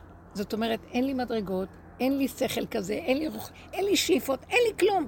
ונהייתי נקודה חומרית קטנה, אבל הרגשתי אמת שאי אפשר לתאר אותה. הכי אמיתי שיש, הכי מחובר, הכי מקושר לזה שישב כל העת למרגלותיי. שמעתם איך היא מתארת אותו, את השם? הוא נמצא אחורה. הכי מחובר לזה שישב כל הזמן, כל העת הזאת ישב למרגלותיי. הוא ישב מאחורה, אנחנו רצים קדימה לאלוקות והיא יושבת מאחורה, היא אומרת, לאיפה אתם בורחים? למה אתם... פעם רבי בוני מפשיסחה, או שזה היה רבי לוי יצחק מברדיצ'ב, הוא פגש איזה יהודי, אז הוא אומר לו, שלום עליך רבי ייד, רבי יהודי, מה שלומך? אז הוא אומר לו, אין לי זמן לענות, אני רץ, אני רץ. אז הוא אומר לו, לאן אתה רץ? אבל השם נמצא מאחורה. לאן אתה רץ? כאילו, אתה רוצה לחפש, לגמור, לעשות דברים, להתפלל, אבל הוא נמצא מאחורה, למה אתה רץ קדימה? זה, זה אומר, כל העת ראיתי אותו יושב למרגלותיי, בלי מניירות, בלי טקסים מובנים, בלי כל מובנים, בלי כל גדלות ושום גאווה. היינו רק אני והוא. גם שריחפתי מעל, והיה נראה לי שאני מוותרת על העולם, מרימה ידיים, זה, היא אומרת, זה הגיע מנקודת האמת שלי לאמיתה, שזה לא אני, אני לא יכולה, זה רק אתה. זה מין תחושה של שלמות, של שלווה, שאין מאבק, אין סבל, אין אני מול העולם. אתם שומעים מה היא מגדירה מה זה סבל, כמו שהגדרנו הרבה? אני מול העולם, תודעת עץ הדת. זה אני מול העולם ביחס לזה, לעומת זה, אה, חשבונאות, קנאת איש מרעהו, מאוימות, חרדה, זה אני מול העולם, היא אומרת, כל זה נעלם לי. אין שלווה שם, רק סבל כל הזמן. מה נהיה לה? שקט, שלווה, רגיעות, שאי אפשר לתאר, כי נגמר לה העולם. כי היא לא עמדה מול העולם, היא רק עמדה מול בורא עולם. היא ובורא עולם, והוא נמצא מאחורה. זאת אומרת, את הפנים היא סובבה אליו, כשאנחנו נותנים לו את ה... בדרך כלל גב ורצים קדימה לאן. מה, להשתחוות לפסל שיצרנו לעצמנו, זה הבני אדם, אנחנו משתחווים לבני אדם. כל כך מחשבנים לעולם, שזה ככה. וואו, וואו, וואו. אז היא אמרה, רק אני והוא. והתחושה הזו שבאמת השלתי מעצמי את כל הבגדים הפיזיים, את כל המסכות החיצוניות, התארים, הכבוד, היכולת, נתנה לי את הדקות שאני הכי מחוברת לאמת, ואני מדברת אליו בלי מחיצות, ומרגישה את החיבור המדהים כמו אם לתינוק שנולד, זה עתה הוא מחבר אליה עדיין, מחובר אליה עדיין. זה היה רגעים קטנטנים של טוטליות. זה מה שרציתי להגיד לכם. אם לא ניכנס לטוטליות הזאת, אנחנו עוד נשקר ונזגזג בינינו לבין העולם, וזה... זה, אין לזה סוף. זה תוחלת ממושכה שגורמת למחלת לב. לא נגמר הדבר הזה. והיא אומרת שזה רגעים של טוטליות, של אין, נצח, אין כלום חוץ מזה, באמת. זה אמת של חיבור שלא הרגשתי מעולם. אפילו שבהתפללתי ב- ביום כיפור, בבכי אמיתי, כמה פעמים, לא הרגשתי את אותו דבר. אה, הרגעים האלו, השניות האלו, היו שוות המחיר הכי גדול בעולם, שווה. הם נתנו בי כוח, נטעו בי אמונה, והפסקתי להדביק לעצמי את המושג מסכנה. תשמעו, כל רגע הולך משהו אחר בגוף ומתנוון לה. זה לא פשוט. יש לה משפחה, יש לה ילדים. איך הבן אדם מרגיש ככה? צריך שיטפלו בו. היא אומרת, אני כבר לא מרגישה מסכנה. זה לא קשור אליי. שמעתם? איזה, איזה תכלית להגיע לנקודת אמת באמת? היום העולם אה, מלא גנבות דעת של יפייפות, של נפש וכל מיני אה, יעדים וכל מיני מדרגות. האמת היא נורא נורא נורא פשוטה, פשוטה, פשוטה, פשוטה. הכי פשוט. אם יש לנו רגע של סבל, סימן שיצאנו מנקודת האמת. חוזרים לאמת, סוגרים את המוח, אין סבל, שלווה. אני עכשיו רק על הטרנד הזה הולכת, אין לי כוח להכיל ככה מתח, סבל, כלום. ולפעמים מחשבה בפנים עושה לי את הסבל. זה לא צריך בן אדם, אני כבר לא ליד בני אדם. מעצמי לעצמי נגנבת לי איזו מחשבה, אני הולכת למות. אני אומרת, לא, לא, לא, לא, לא. אבל תסגור לי את המוח, אני לא רוצה את השכל הזה, אני לא רוצה את המוח הזה, אני לא יכולה לסבול כלום, אין לי כוח לכלום. זהו. תשישות. אני אמרתי להם בשיעור הקודם, אתן זוכרות, שאני אומרת לו, אבל רק אתה תתגלה, אני כבר לא יכולה. אז הוא אומר, אז תזוזי כי את מפריעה לי. וואו. אז אחרי רגע אמרתי לו, תשמע, גם לזוז אני לא יכולה, אתה מוכן להזיז אותי בבקשה? אין לי כבר כוח. הנה ליאת, בדיוק זה. תשנע אותי. גם לזוז אני לא יכולה. בדיוק. עוד אני חושבת, אה, טוב, אני אזוז. מי יכול לעשות את בכלל גם לזוז? אתה גם תיקח אותי, תרים אותי. גם. הפגמים צפים. עכשיו, מהעבודה שעשינו, שבאמת של העשייה ושל הלהסתכל על זה וזה, נוצרת הקלה מאוד גדולה בלשחרר את הפגם הזה. כלומר, להכיר בו ולא להתעסק. להסכים, להסכים איתו. כן. את יודעת מה קורה שם? ומתגלים רגשות מאוד קשים. כי מה שעבדנו רוצה פעם- להכיר שיש לך דברים כאלה שעוברים עלייך. הכי רחוק שאפשר לחשוב. אבל אתן זוכרות מה היינו מדברות? עבדנו הרבה על עצמנו וראינו, וואי, איזה פגמים, מה אני אבוא בטענה לשני, אני יותר גרועה מכולם. אבל אחרי כמה זמן ראיתי, אבל גם אני לא יכולה לבוא בטענות לעצמי. גם אני כמו בן אדם אחר. למה הם דוחים נפש מפני נפש? למה שאני, אה, אני לא אבוא בטענות אליו, אבל לעצמי כן? גם אני עוד נפש שנמצאת עם עצמי. ואז למדנו להכיר שאני לא צריכה להזדהות עם המצבים האלה, זה לא שלי. זה תכונות שנמצאות, אבל אני לא יכולה לשרש אותן. מה שאני לא עובדת זה לא יוצא.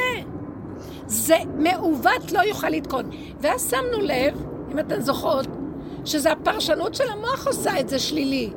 לא חייבת לפרש את זה שלילי, אז כעסתי. כעסתי לרגע. לפני שבועיים היו אצלי המשפחה, ואני כל השנים מאוד נזהרתי לא להוציא מילה מהפחד של עצמי, שאני לא... בשנייה אני הורגת, שתיים מימין ושלוש משמאל, מסכסכת מה לא. אז פחדתי, ואז אני לא, לא מדברת לא כלום. ופתאום לאחרונה יוצאים לי דברים, והם לא מאמינים, לא יכול להיות. מה, קרה לך, קרה לה משהו? אז מה שאני עניתי לבן שלי, אמרתי לו, תשמע, זה יצא לרגע. זה אפילו לא אני. מישהו הוציא את זה ממני, והיעד היית אתה. זה לא קשור אליי כבר, תעשה מה שאתה רוצה עם זה. זה יצא, השם רוצה אותך. הוא דיבר אליך, לא אני. כאילו רצה להגיד לי, אה, כן, אין לך אחריות כבר? תגידי מה שאת רוצה. הוא אף פעם לא ידבר אליי ככה. אבל היה כאילו נשמע, הוא רק אמר לי, אמא, הדיבור הזה מסכן את מצוות כיבוד הורים שלי. שמעתם? וואי, וואי, וואי, האשים אותך ו... איזה עדין, והוא אמר את זה יפה, אז אמרתי לו, זה לא הייתי ממני, זה ממך אליך, מהשם אליך. אני רק הייתי הכלי. והוא יצא דרכי בצורה כזאת, אז זה בסדר. אין לי נגד... אני אוהבת אותך ואין לי נגדך כלום. אחרי שנייה זה כבר לא יהיה ולא לא היה ולא נברא. ובאמת, אחרי רגע לא היה לי אליו כלום. זה, זה הופיע ברגע קצר ונגמר. בדרך כלל כשזה הופיע מהטבע של המוח, וואו, את, את עוד יש לך את ההדים, כן, ואת מתה בלילה. למה אמרת? למה לא אמרת? ומה יהיה, ומה קרה, ואיך עשית לא יאהבו אותך, יפסיקו לבוא, וכל הפחדים והחרדות. וכאן פתאום לא היה לי כלום, יבואו, יבואו, לא יבואו, לא יבואו, מה זה קשור לא? יבואו. מה אכפת לי מאף אחד בכלל? זה המקום שאנחנו רואים את התוצאה של הפגם. אין תיקון לדבר הזה, השם הוא התיקון הכללי של כל מה שקורה פה.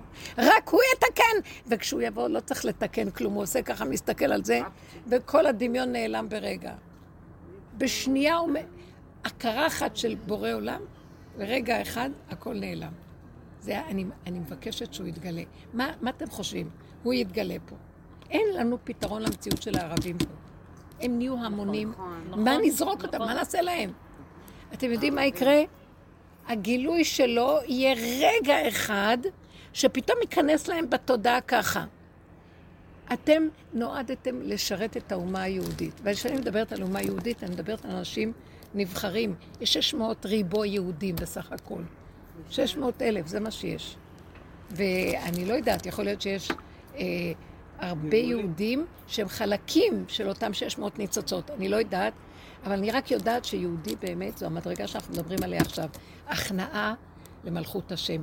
ששחטו את עצמם, אין שקר, אין כלום. שהולכים בדרכי ההלכה, לא הלכה, בדרכי כללי התורה באמת, מהבשר.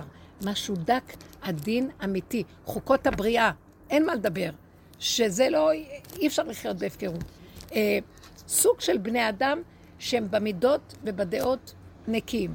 הסוג כזה, עכשיו, כשאני אומרת שאתם באים לשרת את כהני השם, כהני השם, אלה שניקו את עצמם וחיים ויודעים, לא סתם העם היהודי סבל כל כך הרבה דורות, בשביל שהדור האחרון יהיה מבורר, הכי מבורר. בסוף, מה התוצאות שלנו, איך אנחנו נראים? זוועה. באמת שצריכים לשוב לנקודת האמת שלנו. אם לא, לא רוצה לדבר. בכל אופן, הוא יבוא. והוא יסתכל, האור הזה ירד על הערבים, והערבים לבד יבינו שיהיה להם את הזכות הכי גדולה לשרת נאמנה את היהודים. ולא שאנחנו ננצל את זה ונרדה בהם חס וחלילה. זה כבוד האדם, צלם אלוקים. אבל כל אחד ידע מה התפקיד שלו. אלה ידעו שתפקידם להיות כהני השם, ואלה ידעו שתפקידם לשרת את אלה. וכל אחד ידע, ומי שלא ירצה וימרוד, הוא ייעלם מהשטח. האור הזה פשוט יפרק אותו. תדעו לכם שזה מה שהולך להיות.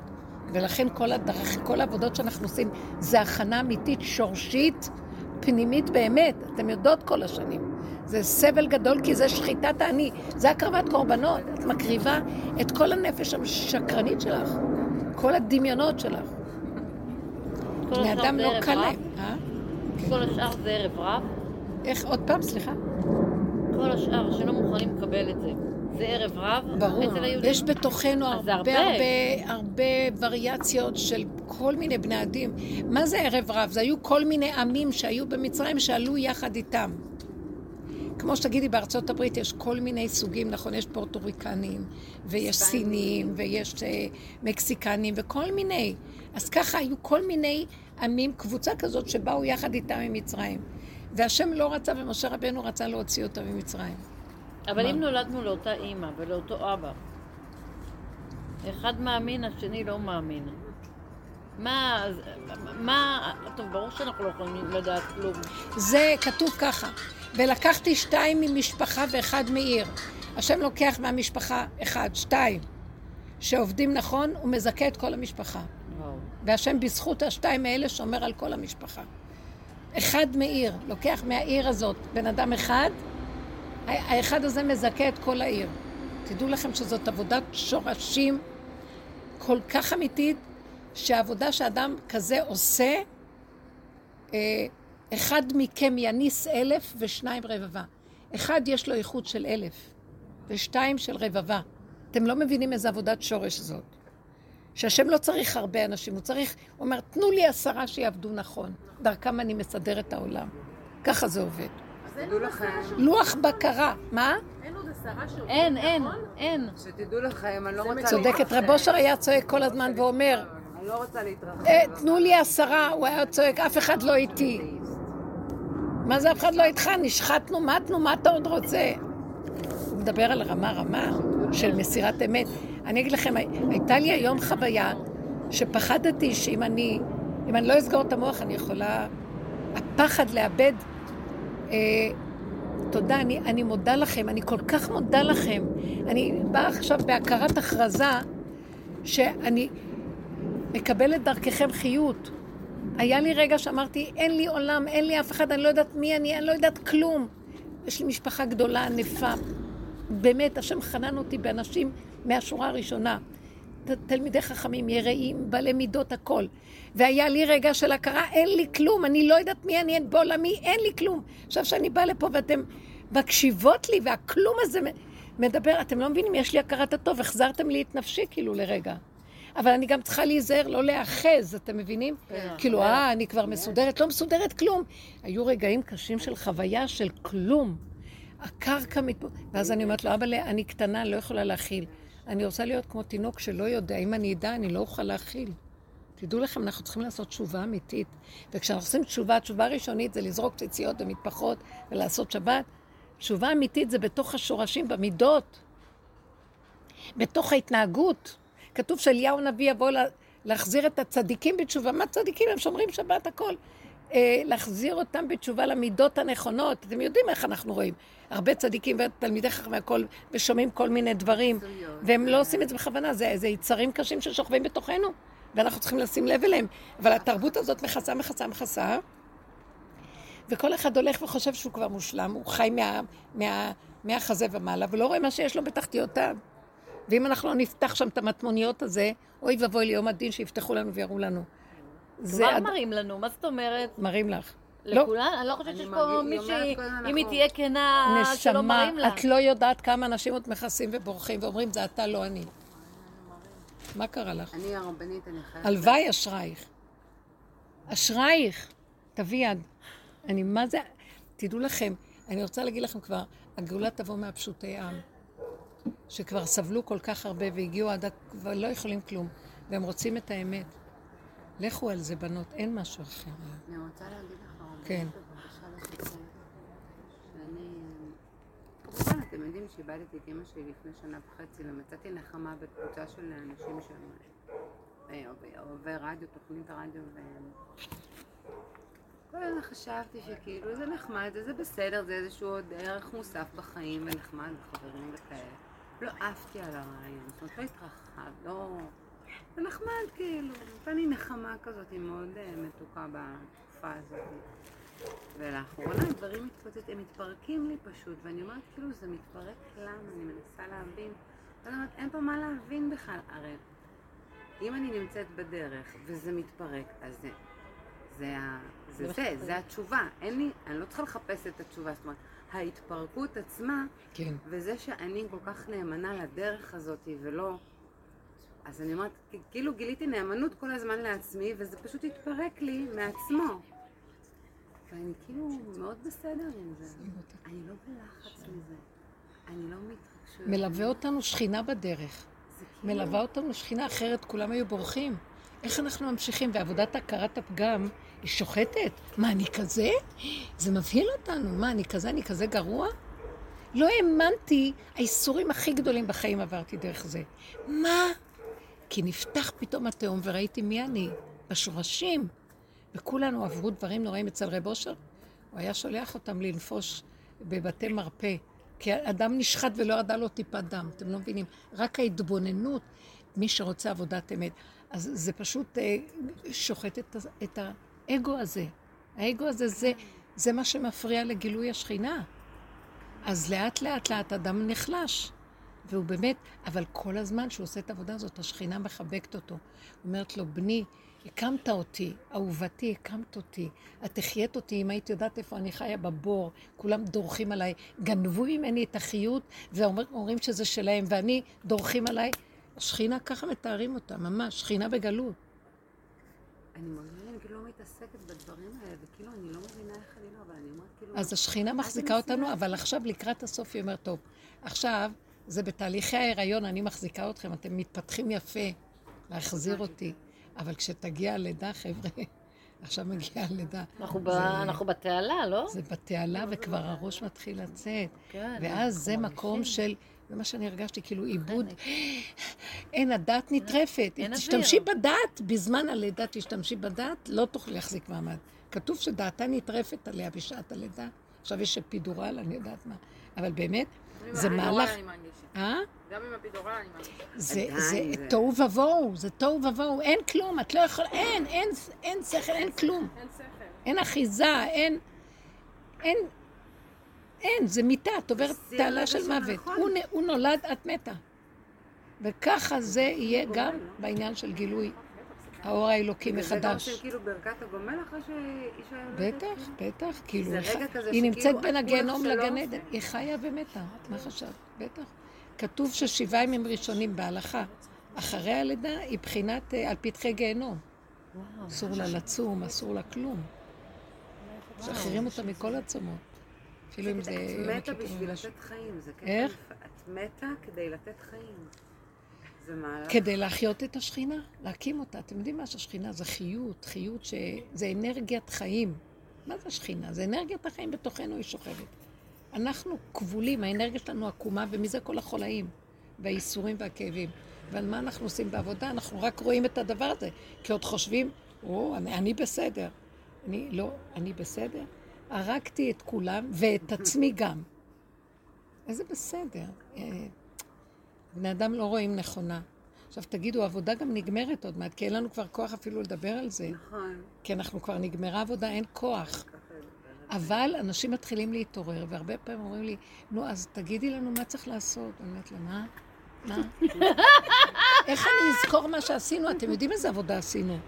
שמנו בסדקים ובחורים פנסים וניתחנו את כל ראשי הנחש. כל ראש שהוצאנו נהיה עוד אלף ראשים, מה קרה לכם? עד שהרגשנו לכם למות, זה מאוד לא פשוט העבודה הזאת.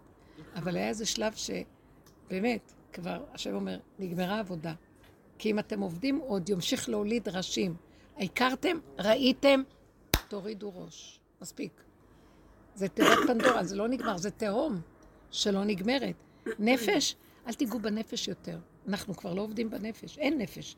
אבדה נפש. הנפש זה בית משוגעים. אין לה מזור ואין לה מרפא, זה דמיונות. אף אחד לא יכול לרפות נפש. פסיכיאטר נותן כדור היום. אי אפשר לרפות נפש. הפסיכולוגיה נגמרת מהעולם. לא הבנות. השגות, זה לא טיפול לא, בנפש. בטח שלא. חפירות, אני כזאת, חפירות בנשמה, למה לחפור? לא צריך כדי להבין, להרגיש טוב שהבנו. טוב, אז הבנת. ולא פתרת הבעיה שהבנת. כלום. הבנת, זה, זה נחמה פורתא, הבנת. אבל זה לא פתר לך את הנקודה. מחר עוד פעם זה מתעורר. אין לדבר הזה סוף. אתם יודעים מה הסוף של זה? הסחת הדעת. כי, זה, כי כל השיגעון הוא בדעת. סגרי את המוח. בית משוגעים נסגר. מה תהיי? גולם, גולם, גולם טוב אוכל, שותה, הולך בה, לא יודע. תינוק. וזה שקט, שלווה.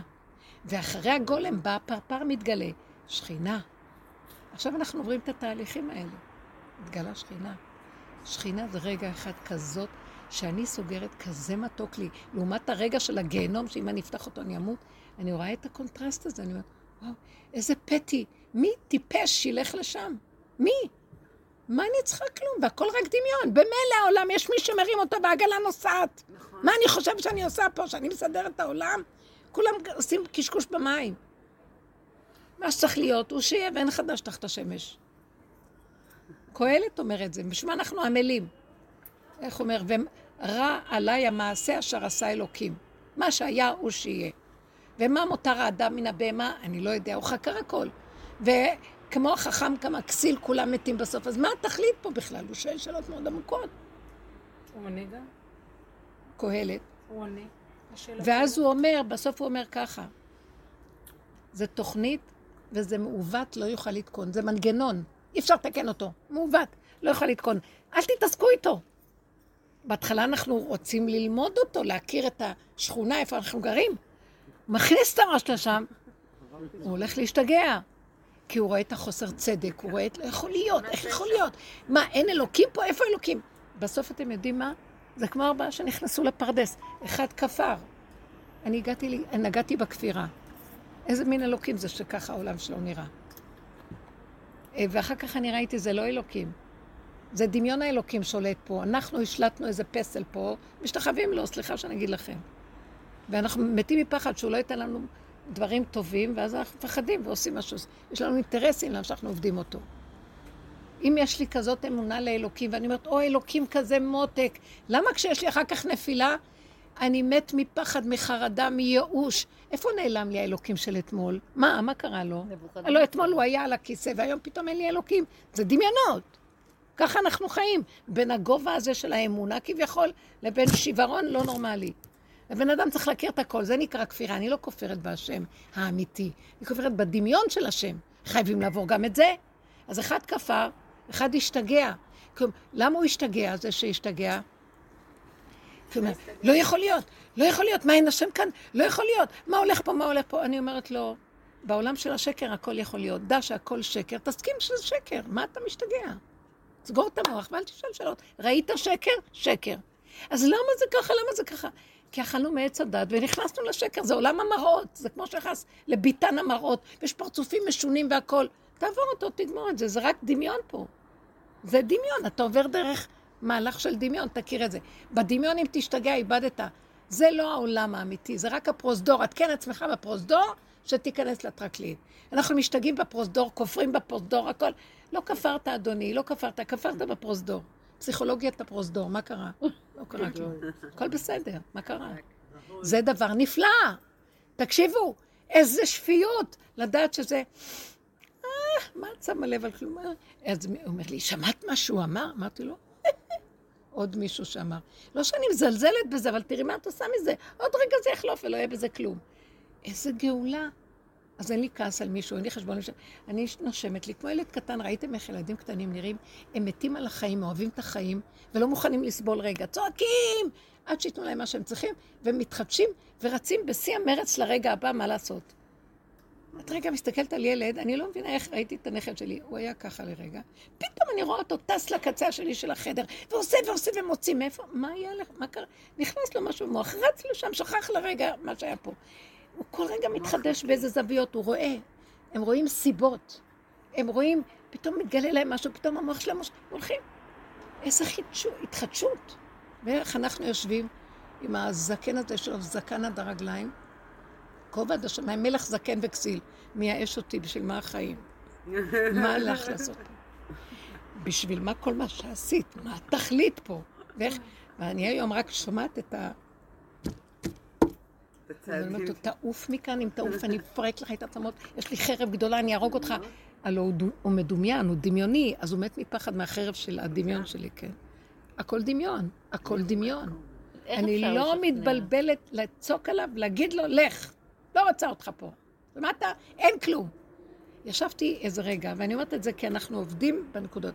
ישבתי והיה לי פתאום איזה רפיון כזה, יש רגעים כאלה כמובן. ופתאום, ואז אני אומרת, איזה חולשה, איזה עייפות, אימא'לה. ופתאום משהו בתוכי כאן אומר לי, מה את מקשקשת? אין חולשה ואין רפיון ואין כלום. שמעת? והכל השתנה ברגע, נעלם הכל. שמעתם? הוא בא... אה, אה, אה. אז זה רגעים, וכל הזמן אנחנו צריכים לעקוב אחרי הנקודה הזאת ולא לאפשר. עד שאנחנו בונים את מרכז ה... יש מר... כובד המשקל נמצא קרוב ללב כאן, ואין... יש נשימה והתחדשות, נשימה והתחדשות.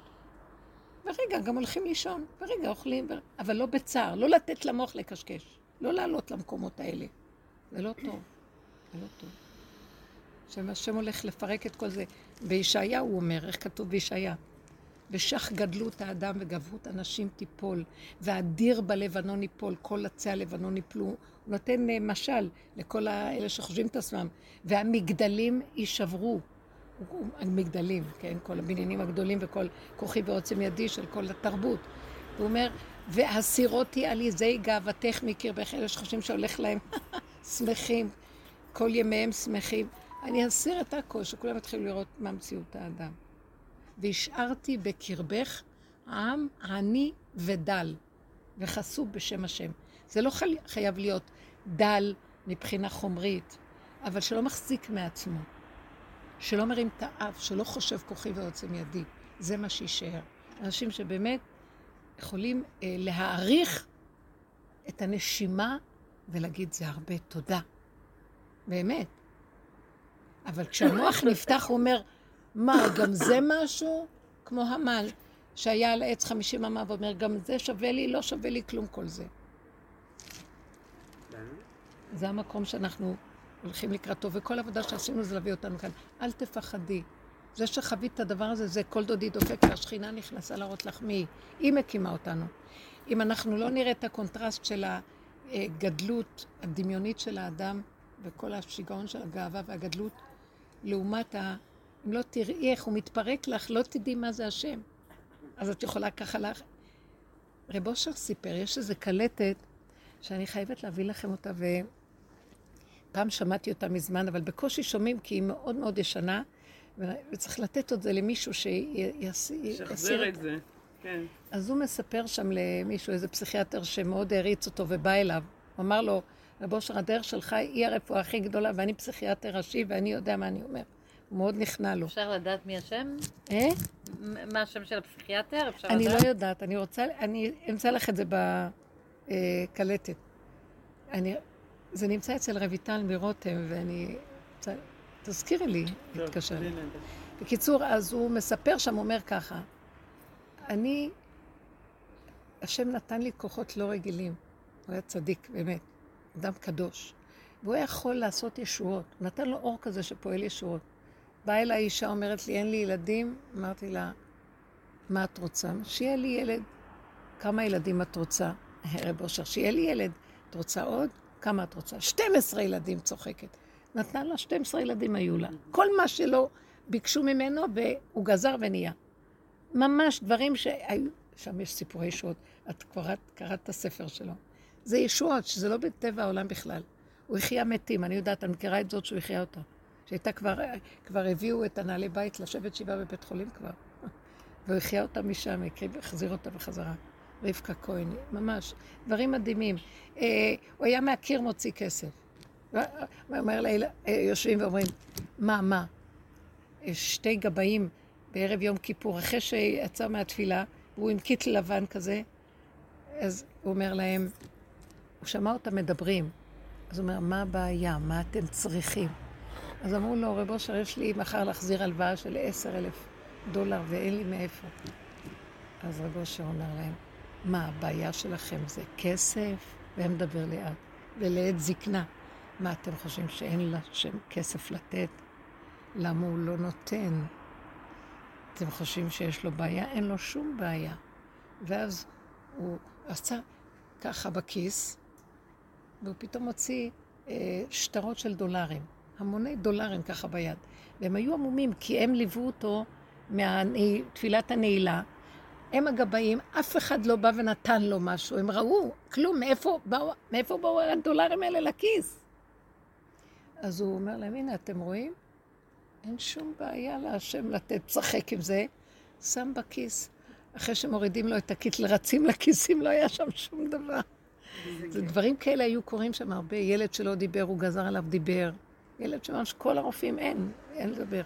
כל מיני סיפורים מדהימים. אז הוא מספר שאחרי שהוא, היה לו את התקופות האלה שהוא נתן כל כך הרבה ישועות לאנשים, והוא אמר לאנשים, אתם באים לקבל ישועות, אני לא נותן ישועות, אני נותן לכם כדי שתיכנסו בדרך, כדי לפתות אתכם להיכנס לדרך. אני, שתאמינו בי, אז אני נותן לכם ישועות. זה לא ממני, השם נתן לי לתת, אבל אתם צריכים להיכנס בדרך. אני לא הכוונה של לתת ישועות.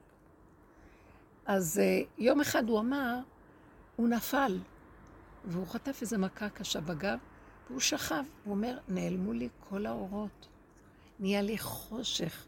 לקחו ממני את הכל. כלום, לא יכולתי שום דבר. ראיתי את הכלום שבכלום שבכלום. ואני גם, כשאני שמעתי את הקלט, אמרתי, מה, אז איך קיבלת בכלל את המתנות של הישועות? בטח ראית את זה כבר קודם, לא? איך קיבלת מתנות כאלה? כנראה הביאו אותו למדרגה ששללו ממנו הכל בכל מכל כל. כלום לא נשאר. ואז הייתי, זה, זה משגע, ממקום כזה למקום כזה, וזה גם לא דרך הדעת שהוא קיבל את זה. הוא קיבל אורות. וגם אז הוא היה מאוד שפל בעיני עצמו, אבל לקחו לו את הכל. ואז הוא אמר, ואז הבנתי שהשם רוצה להראות לי שהוא נמצא בחושך, אפילו יותר ממה שהוא נמצא בישועות. וקיבלתי מזה הערה גדולה. מזה שהוא הכיר שהחושך הוא יותר מהכל. זה ההסתר שבהסתר בעצם. בהסתר שבהסתר, אם אני לא חולק על כלום. מקבל, משלים, ככה וזהו. זה מדהים, זה, תכירו, בחושך הזה שאין כלום, יש את האור הכי גדול. וזה מאוד קשה. אנחנו במוח של החשיבה הולכים הפוך בחשיבה שלנו, מפחדים נורא. הכל בנוי על דמיון אצלנו. הדמיון, אם ישחטו לנו אותו ברגע נמות, לא נוכל להחזיק מעמד, צריך לאט, לאט. זאת כל העבודה שאנחנו עושים לאט לאט. אני דיברתי המון, אבל אתם מה? קודם כל, המושכל הראשון של כל העבודה שעשינו זה לא להתנפל על האנשים. ואם המוח שלי בא להגיד שזה השני שלישי, להבין שהוא משקר אותי, ולא לתת לו. אנחנו עוברות איזשהו שלב ושלא להיבהל, כי לא אנחנו להיבהל. חוות דברים שאנחנו... זהו, עכשיו. אנחנו בשלב של אוקיי, התוהו, אוקיי. כמו שאמרת, נכון. זה לא להיבהל. אנחנו בקבוצה הזאת, אבל אני ראיתי כאן הרבה אנשים, אז אני מדברת... אה, כן, תודה. לא, זה בסדר, זה נכון, בסדר, נכון, זה אבל אנחנו וגם, בדיוק זה גם בתקופה וגם. של... כמו שלא זה להיבהל. וגם, כן. אתם לא מבינים? אני אומרת לכם, כי זה- החוויה של היום הייתה חוויה... כן. תשמעו, אני, אני, אין לי אחיזה, אין אחיזה, כאילו את עומדת ואין לך קרקע, חושך. כאילו אומרים לך, את רואה את התהום? תיכנסי לתהום. איך? אז אמרתי, כל עוד יש לי דת, אני לא יכולה לעשות את זה. אדם לא יודע, משוגע לא יודע, מה אכפת לו? אה, תשתגע, תרוויח, לא יודעת. אמרתי לו, אל תיתן לי עם המוח הזה לעבוד יותר, אני לא יכולה. בחוויות האלה של התוהו, אין מוח. איך אני יודעת מתי זה התוהו? שיש לי בהלה מדבר ש... זה סימן של האור של התוהו. כן, כי כי לא כאילו יכולה לסבול אותו. הכל, אני אומרת, אני גם חווה איזשהו משהו שהכל מתפקד, אבל בפנים כאילו אין, אני לא, דיברנו על זה בבוקר.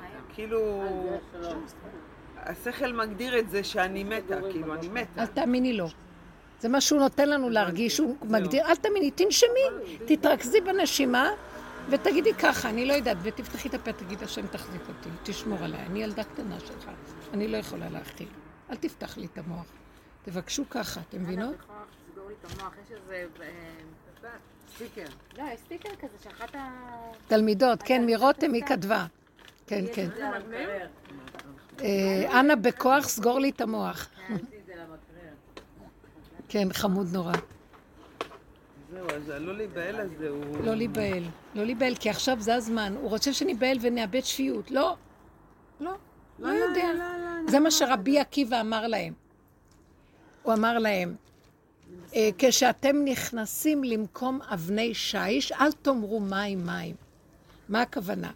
כשאתם נכנסים למקום של האקסיומה הראשונית, שאתם רואים את היסוד הראשוני, הלוא הם חקרו במעשה מרכבה, אז הם נכנסו בחוויה כזאת של עליית הנשמה, והם ראו דברים. עכשיו, כשאתם מגיעים לנקודה הראשונית, אל תתפעלו, אל תאמרו מים, מים, התרגשות, צערה, הו, הו, הו, מה זה, מה זה, מה הכוונה, מה הכוונה, אל תשתמשו בשכל, אל תשתמשו ברגש, ש, שנאמר, דובר שקרים לא ייכון לנגד עיניי, כי אתם מיד מתחילים לשקר. תשארו עם הבסיס הראשוני. ככה זה ככה. אני לא יודע, לא מבין, לא יכול, ככה. לא לאבד את ה... לא להיכנס בהיגיון, זו המילה הכי נכונה. לא להאמין להיגיון. בואו נראה אותנו. אני אומרת לכם שזה מה שהציל אותי היום. רגע, נפתח לי המוח. איך אני יכולה להגדיר את זה? אני חשבתי שאני... זה מפחיד. אז הבנתי שאסור לי לחשוב. מיד שמתי את עצמי במשהו, התחלתי לכתוב, התחלתי לעשות כל מיני דברים שהמוח יהיה מוסך, ושאני לא אשים לב למוח שלי שמקשקש לי. ממש. לא לתת. תעשו עבודות, כל מיני עבודות, פשוטות, פשוטות, תלכו, תעשו הליכה. תחי את הפה, כלום. אל תתני למוח להמשיך. זה השפיות, ברוך השם. זה דרך של אמת.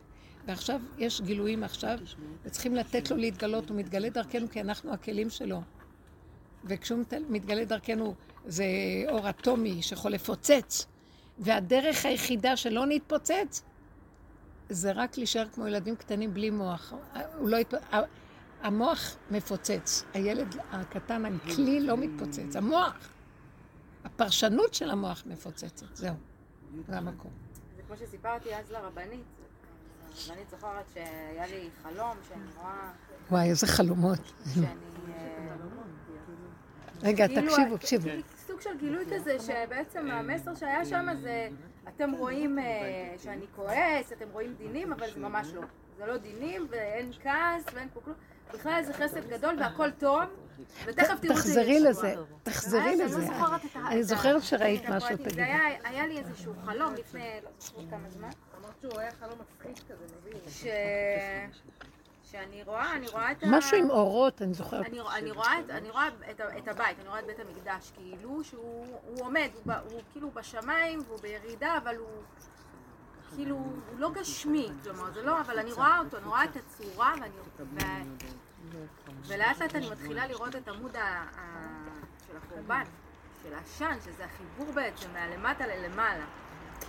ואני מסתכלת ואני אני כאילו נכנסת לסוג של יראה. זה משהו שהוא מאוד... אה, זה מפחיד. זה משהו שהוא מאוד הכניס... התפעמות. כן. הוא הכניס לי יראה מאוד אה, כאילו זה. ועובר לי בראש דינים, כאילו, כי זה כאילו משהו שהוא מאוד חזק, ו- ואני מקבלת מיד מין מסר כזה, לא קול ששומעים, אני לא יודעת איך להסביר, אבל מסר זה מין ידיעה מאוד יודעת. ברורה. כן. כל מה שאנחנו רואים זה לא מה שזה באמת. כל מה שאנחנו חושבים שזה, שעכשיו קורה פה דין, ושאני כועס, יופי, יופי, את שומעת? הניה. כן, כן. ושאתם הולכים אחורה.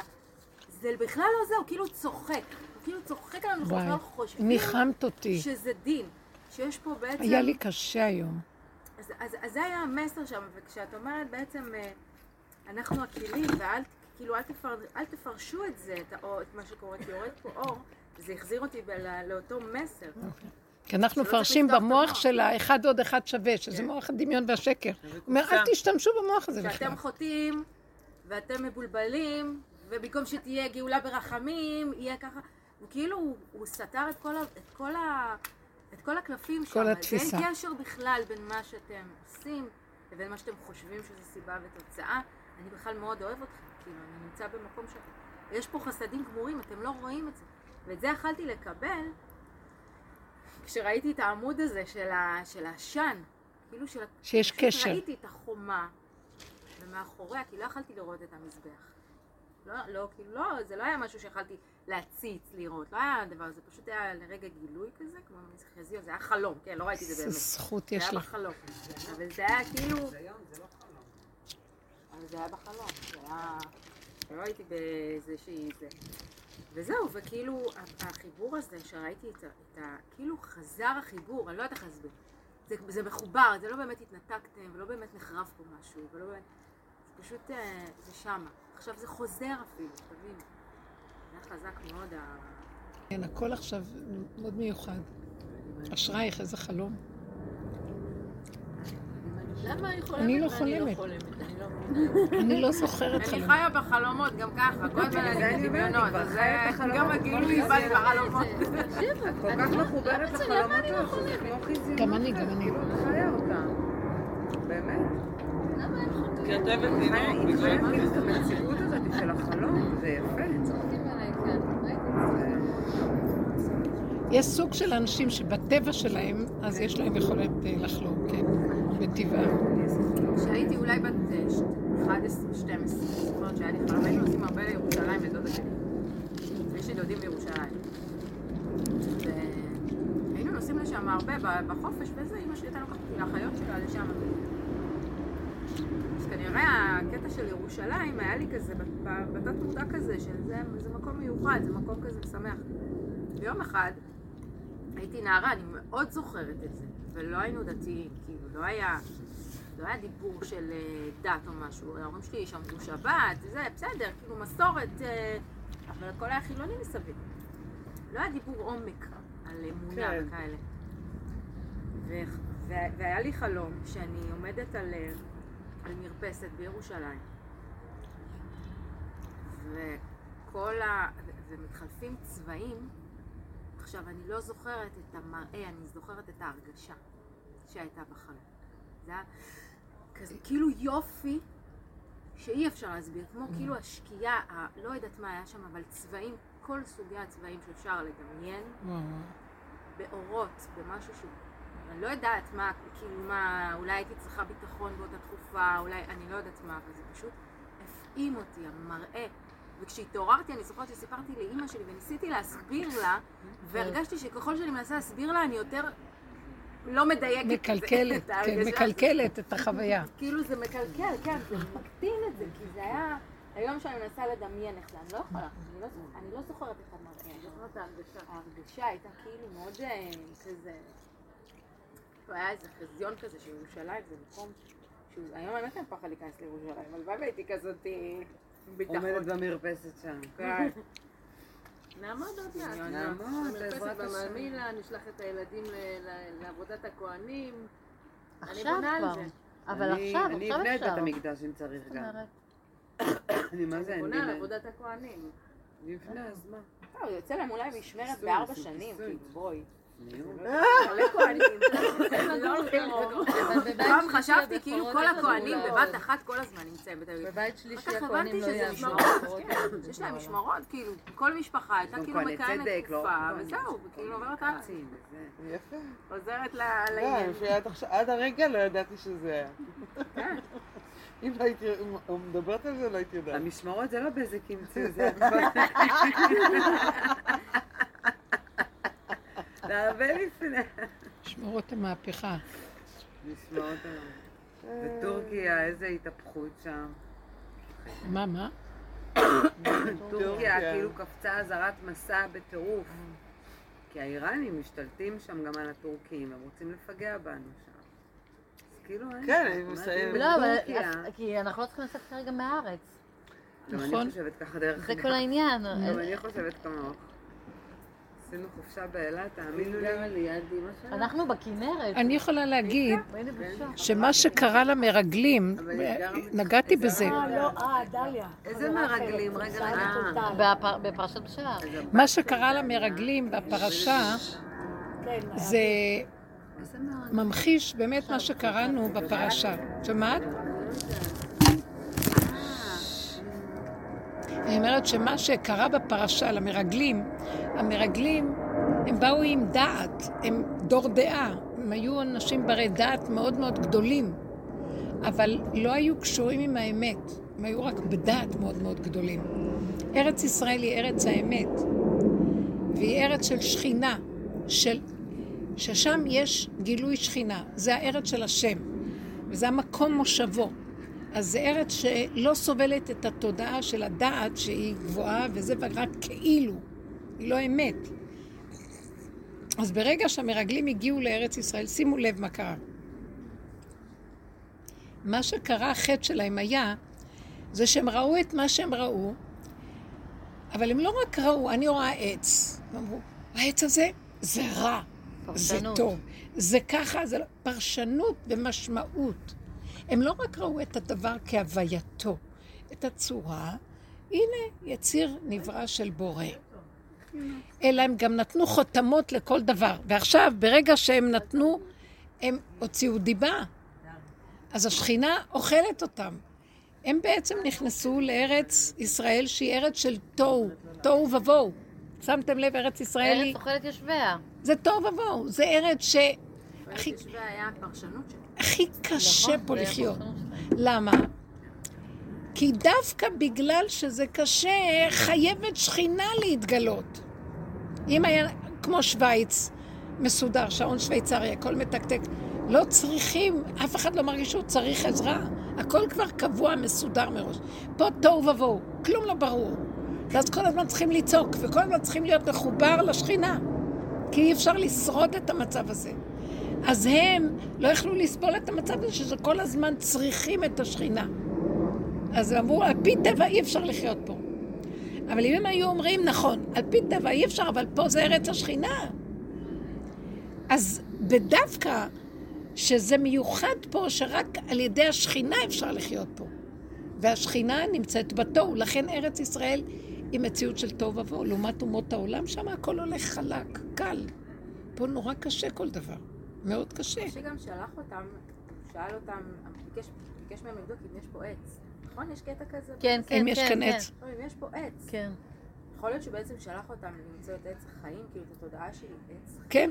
אה, אמרו, תחפשו אם יש עץ, אם יש כאן צדיקים או אין צדיקים, כאילו. אם יש כאן, אם יש עץ עם עין. הם, הם אה, כאילו רצו... הם- מה זה אם יש כאן עץ או אם יש עין?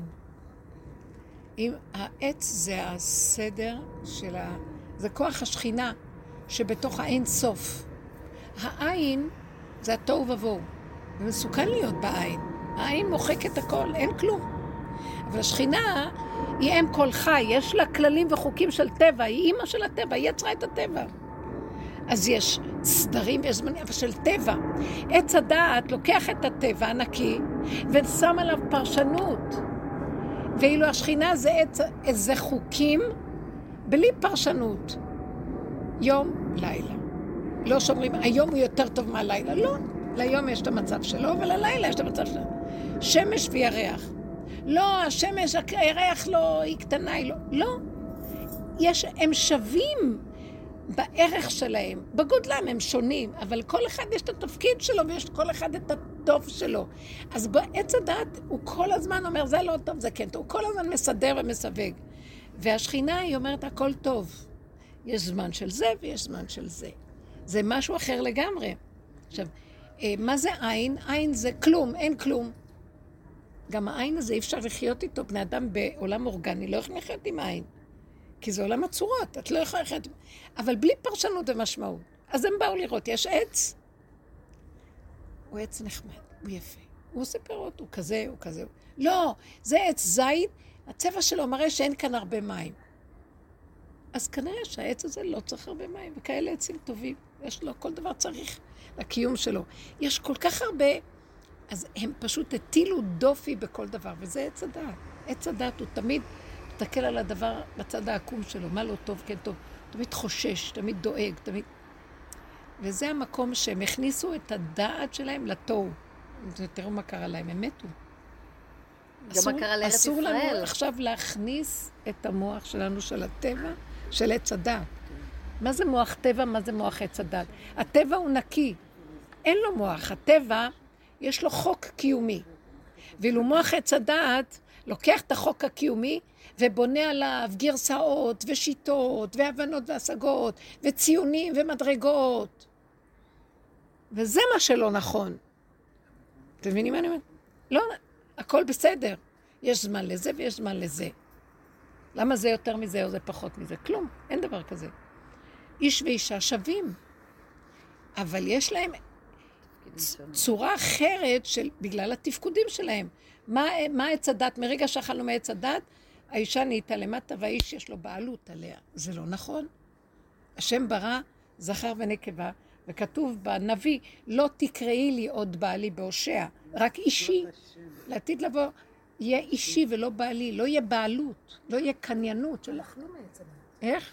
אכלו. זה אחרי שאכלו מעץ הדת. נכון, אבל בתכלס אכלו מעץ הדת. לא, לפני שהם אכלו לא היה. לפני שהם אכלו, כבר לא קיים יותר. איך? אני אומרת, לפני שאכלו, לא קיים. כי אכלו מעץ הדת. לא. איך אפשר למחוק את כל החיים שקרו אחרי שאכלו מעץ הדת? לא ש... שלנו אחרי העולם הוא הדת. אותו דבר, אבל הפרשנות שעשינו מהעולם גם שינתה אותו. כתוצאה מפרשנות גם הוא משתנה. ארץ אבל- ישראל, ארץ ישראל השתנתה כתוצאה מחטא המרגלים. היא לא הייתה אמורה להיות ארץ אוכלת יושביה. אבל זה מה שנוצר כבר. אז תתעלם מכל מה שקיים? כן, כן, בוא נעשה טיפול שורש ונחזור, זה לא צריך להיות ככה. מרוב שאנחנו מתייאשים, אז אחד עושה טעות, השני הולך אחרי הטעות, השלישי. מגדיל את הטעות הרביעית, בטח. עושה לה אה, עוד כמה שלוחות, החמישי בכלל, אז לאט לאט את לא יודעת איפה התחלנו. תודעה הסתבכנו. קולקטיבית. תודעה ובאים. צדיקים שהוא שולח ומראים לנו, לא, זה פה. אז אנחנו אומרים להם, אבל איך, איך, הוא אומר, בואו לאט לאט, אני אעזור לכם. מנסים לעזור לעולם לחזור לבסיס הנכון שלו. יש רחמנות על העולם.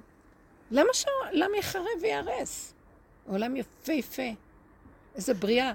אז בגלל שהדמיון השתלט, אז בואו נסדר את הדמיון. זה תהליך, אבל זה הולך, זה קורה. כל האיסורים של עם ישראל בכל הגלויות זה התהליך של החזרה. זה תהליך, וואו, ארוך ארוך. עכשיו זה הסוף שלו, אנחנו נוגעים בקצוות שלו. צריך מאוד להיזהר גם לא לתת את התוקף למה שאנחנו נותנתים ממנו, מה שאנחנו מאמינים לו. כלומר, מה שהעיניים שלנו רואות, והאוזניים שלנו שומעות, וכל מיני שמועות רעות, ודברים, והמסקנות, ואנחנו כן. מאוד מאוד צריכים להיזהר מזה, כי... כי ניתן, אה, ניתן לזה תוקף, אנחנו לפעמים. אנחנו לא צריכים את זה, מי שעושה עבודה הוא לא צריך את התוקף, אבל לפעמים לעורר בני אדם, אין לך דרך איך. מעוררים אותם, להפחיד קצת, לעורר את הבן אדם, תתעורר. כן. אנחנו? לא, אני לא התעוררתי רק עם המכות. אף אחד לא בא מרצונו הטוב לכאלה עבודות. נכון, נכון. בטח שלא. רק שזה היה ברחמים, לא יהיה במקום. ברחמים. שלא יהיה באלף שקל. קטנה ובללכת אחורה, לא הוא ב... אומר, זה תלוי בנו. אתם רואים? תזהרו. טוב, אז שאומר, טוב, טוב, טוב, טוב, רק אל תיגע בי, אז תיזהר. אז האדם לומד יראה. יראה, הוא יודע את הגבול שלו, את המקום שלו. הוא לא פורץ גדר, הוא לא בהפקרות. העולם בהפקרות.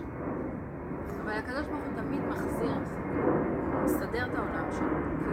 כאילו, אנחנו הולכים אחורה, במגדל בבל, בסדום, וכאילו, ההפקרות הכי גדולה, בסופו של דבר, הוא מסדר את זה. הוא לא נותן לזה להחריג את העולם, הוא לא נותן לזה לפרוץ את הגבול. כאילו, יש לו איזה ערך אפיים כזה, בואו נראה עד לאן אתם יורדים, ואז הוא מתערב. הוא שולח עזרה, הוא שולח את הצדיקים, הוא שולח מורה דרך, הוא שולח לנו עזרה. אבל, אה, אבל התהליכים קשים, ולוקח המון זמן, ואנשים מתים, וזה חבל. הוא לא חפץ ב- לאבד את העולם. בגלל זה הוא אוהב את הצדיקים שהם עוזרים לו שהעולם לא ייחרב. בשנייה שהעולם פה נחרב, מה את חושבת? אבל כל הזמן איזון. מפסיק לאנשים. שעבודת הצדיקים מאזנת את מה שקורה פה. אבל זה גם קשה. נכון שרוב הצדיקים היום הם מוסתרים. איך, איך? רוב הצדיקים היום הם מוסתרים, רוב הגדולים אה, כבר... אה, אין באמת איזשהו... פשוטים. כן, נכון? שמה? הם פשוטים. הצדיקים שאת מדברת עליהם הם אנשים פשוטים יותר, פחות אה, כאלה. הפשוטים הם הצדיקים. לא- לא אלה כבר לא עליהם. נשארו גם. אני הייתי מגדירה את זה שהפשוטים לא הם? הצדיקים. מי שבאמת בא הלכו? מהמקום הפשוט וה... תראי, גם המילה פשוט היא לא? פשוטה. המילה פשוט גם לא פשוט. לא, אבל... את כדי להיות פשוט אמיתי, כמה עבודה צריכים לעשות, נכון, להשיל את כל הסבך שנכנסנו בו. נכון. זה לא פשוט. נחתך לחתיכות ועוד נשאר מסובכים. זה לא פשוט, אני אגיד לכם את האמת. רב אושר היה אומר, כמה סבל הוא עבר האיש הזה, כמה קורבנות הוא הקריב, כמה קורבנות במרכאות, איפוק, ו, וכמה נתינה וכמה חסד ועשייה וכמה סבל עצמי בשביל כלל ישראל, בשביל עצמו הכל. זה לא פשוט. תדעו לכם, אנחנו הורסים עולם, צריך להיזהר. אם היינו יודעים מה אנחנו עושים, היינו מפחדים לצאת, לזוז מהכיסא. בושר היה יושב על הכיסא שלו, והוא היה אומר ככה, אוי ואבוי לי, ככה הוא היה אומר, אני יושב במדבר שממה, ככה הוא אומר, היה מדבר ככה. ועוד מעט יבוא נחש ויקיש אותי, והקרב יעקוץ אותי, ואריה יטרוף אותי, ככה הוא היה אומר. אה, ואני מפחד לזוז. עכשיו, מה הוא דיבר על אריות, דובים, מה? הוא היה בבית קטן, מיליון אנשים הגיעו כל יום לקבל ישועות ולדבר איתו בעבודת השם. ואז הוא היה אומר, אני עכשיו, ההוא נכנס, אתם רואים? ההוא לא יודע מי הוא, אני יודע מי הוא, אני יודע את כל השטן שיש לו במוח. הוא יהרוג אותי ברגע אחד. וההוא יקיש אותי, אני לא מכיר את האנשים. הוא היה חכם גדול בהכרת נפש האדם והתוואים של הבני אדם, והכרת... הוא היה משהו לא... אה, אז, אומר, אז, ואני מפחד ש... אני מפחד שאני אלך לאיבוד, אני מפחד גם להזיק להם, והם מפחדים להזיק לי, והכל כזה, שאדם יחיה את הסכנה שלו. הוא היה חי מאוד עם יראה. אדם לא יודע, עושה ככה ככה, מתהולל ולא יודע מה. אבל היראה היא רק מאת השם, לא מה... איך? היראה היא מאת השם, היא לא מהאנשים. מה את חושבת, האנשים? בטח שהיראה זה מהאנשים. מהשם אני לא מפחדת, אני מפחדת מאנשים. היראה זה מהאנשים? אבל האנשים הרי הם שליחים, הם לא באמת אה, עומדים אה, בפני עצמם. אנשים צדיקים? לא, האנשים שבאים אה, לדבר עם רב אושר. אנשים שבאים לדבר עם רב אושר, הוא אומר, הצדיקים הכי גדולים מסוכנים. הוא. היה אומר, כאילו הצדיקים את הכי גדולים הוא שוחטים. אומר, טוב, אנחנו ראינו הוא את זה. היה אומר, אתם לא יודעים מה היה רואה אצל אנשים. כן, היה אצלו. איזה אדמו"ר. פעם הגיע אצלו אדמו"ר. אני מכירה את אשתו והיא הייתה באה לשיעורים בבני ברק. היא סיפרה לי. הוא בא אליו, אתם יודעים איך האדמו"רים באים עם כל התלבושת, האויזן זוקן ועם השטריימלך ועם כל הבקיצ'ה וכל התפאורה. ככה בחשיבות, עם מטה גולת זהב כזה. נכנס בחשיבות. שמעו על רב אושר שהוא עושה פלאות, בואו נראה. הוא בא עם אשתו הרבנית. רב אושר השאיר אותו בחוץ והכניס את הרבנית. הוא היה צוחק על כולם. ישב איתה שעה, וה- והאדמו"ר בחוץ. אחר כך כשהוא אגו, נכנס. כשהאדמו"ר נכנס, אז הוא אומר, נכנסתי, היא סיפרה לי, חווה, הרבנית חווה, היא סיפרה לי. הוא נכנס, רב אושר הוציא את כל הבגד שלו, נשאר עם חולצה קצרה, אנטיתזה של אה, של רבה. רבה, חבילת גרעינים. ככה נכנס אליו, כל הרצפה מלא גרעינים מלוכלכים וזה. ואז ההוא נדהם, מה, זה רב אושר ככה? מה, ככה? ואז הוא לאט לאט דיבר איתו ואמר לו, מה אתה בא עם כל התחפושת שלך והשכינה בגלות? היה צועק. מה אתה מחפש? כבוד? אתה מחפש פרסומת? הוא היה יורד על... בסוף ההוא נשאר להיות תלמיד שלו, שטף לו שם את הרצפות, האדמו"ר. עד היום הוא תלמיד שלו, הרבי מספינקה. אדם מיוחד מאוד. ופעם פעם אספר לכם עוד סיפור. אה, שאני ישבתי שם, זה ממקור ראשון. ישבתי בספסלים, היה, היה, כולם היו יושבים שם בחוץ עד שיקבל אותם, אם בכלל קיבל אותם. אבל האור שלו כל כך משך שיכלו לשבת שם ימים. אז היא ישבה לידי מישהי, ואומרת לי, את רוצה לשמוע את הסיפור שלי? אישה כזאת מבוגרת, רווקה, לא היה לה כיסוי ראש. אומרת לי, תשמעי, את יודעת מה אספר לך את הסיפור שלי? אני הייתי הומלסית מתל אביב. המשפחה שלי, משפחה עשירה, זרקו אותי מכל הירושה, גנבו לי את הכל, לא רצו לתת לי כלום. ואני הייתי שבורה ממה שעשו לי. אבא ואמא מתו, והאחים שלי לקחו לי הכל.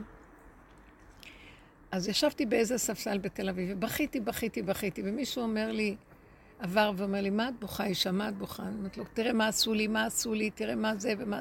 אז הוא אומר, את יודעת מה, יש איזה איש אחד צדיק בירושלים, לכי אליו, קוראים לו רב אושר. אז היא אומרת, הסבירו לה והכל נסע לירושלים ובא. אז היא אומרת, ישבתי פה בחצר, ניגשתי לגבאי ואמרתי לו, אני רוצה לראות את רב אושר. אז הוא אומר לי, טוב, אבל לא היום, לא היום, לא היום, לא... ככה חצי שנה. ואז אני צוע- אומרת, כמה אני כבר יכולה לחכות שיכניס אותי? סוף סוף יום אחד הגבאי אומר לי, בואי את שפה, בואי תיכנסי לרב אושר. טוב, אני נכנסת לחדר, הכניסו אותי לחדר, אני רואה חדר חשוך. אז אני יושבת לי בכיסא ומחכה שהרב יגיע. יושבת, יושבת.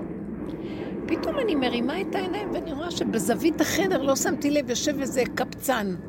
גם כנראה איזה הומלס מתל אביב. לא יודעת מאיפה, אבל נראה לי גם כן. ואז אני פתאום קלטתי שגם הוא מחכה לרב אושר, ואז אני אמרתי לו, תקשיב, אני הייתי כאן קודם, וכשהרב ייכנס, אני קודמת, שמעת? אני לא מחכה יותר. אז הוא אומר לה, "טוב." יושבת, יושבת, פתאום מרימה את העיניים, תגידו, מה, מה, מה? אולי זה רב אושר. אז היא הייתה עמומה, פתאום היא שומעת אותו מדבר. מה את רוצה? אז היא אומרת לו, תראה מה עשו לי, מה עשו לי. ואז הוא אומר לה, מה את מתלוננת? את רואה אותי? אני קבצן יותר ממך. את רואה, לקחו לי את הבית, הם עושים בבית שלי מה שהם רוצים. אני אומר להם, תעשו ככה, מי מקשיב לי בכלל? ואז הוריד את הראש. הוא אומר לה, את רואה, גם אני הומלס, את במצב יותר טוב ממני. היא הסתכלה עליו, ואחרי כמה זמן היא יצאה.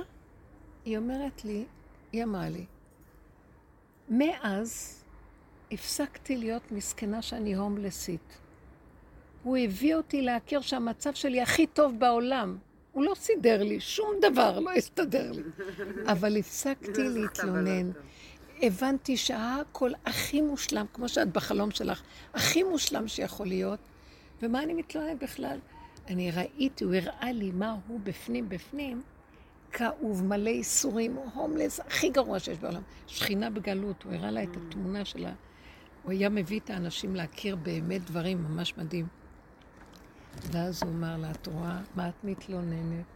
אומרת, יצאתי משם בריאה בנפשי, שמחה, יותר מכל מה שאדם יכול. כלום, שום ישועה לא קיבלה כמו שאנחנו חושבים. כן, זה לא ישועה של... אה, כלום. מאז הייתי רואה אותה כל הזמן עם שקיות, עד היום, עם שקיות. אבל היא שמחה, שמחת עולם. תמיד חיוך על הפנים. שינה לה את יואו, המוח. וואו, הבנת? וכ- וכמה מדוכאים יש היום. צריך יואו. פשוט להסתכל עליהם ולהגיד להם, בואו נרקוד, מה חסר לכם? אתם. אוכלים? אתם יודעים שיש הומלסים שראיינו אותם, הם לא רוצים שיהיה להם בתים. הם אומרים, "מה, השתגעתם, אנחנו כל היום ננקה את הבתים, נשתעבד לבתים. לא רוצה, אני רוצה להישאר איפה שאני. ומביאים לי אוכל עד אליי, אני לא צריך לדאוג לעשות כלום. כן, קבצן ישיר. מעניין כל כך. אבל יש את כל המדוכאים באמת. אני צריכה רק להגיד לשכינה את זה, מה את בוכה בכלל, תראי. נגילה ואני שמחה בך. תודה רבה לכן, ישוע. תודה לך, תודה. רבה. חי וקיים, אנחנו צריכים לשמוח, להודות לו, ועכשיו הגאולה, באמת תתחיל, עכשיו מתחילה הגאולה. כן. הגאולה, אנחנו. צריכים לתת לה מקום, המקום זה לא מוח, לא מוח, לא שכל של טבע, לא קושיות, לא פרשנות, לא משמעות. רגע שאני רואה שיש לי מרירות ממה שאני אומרת, מה את מתמרמרת, מה חסר? כל רגע יש מתיקות, מה שיש זה הכי טוב שבעולם. ורק המוח שמתלונן והוא ממרמר לנו סתם את החיים.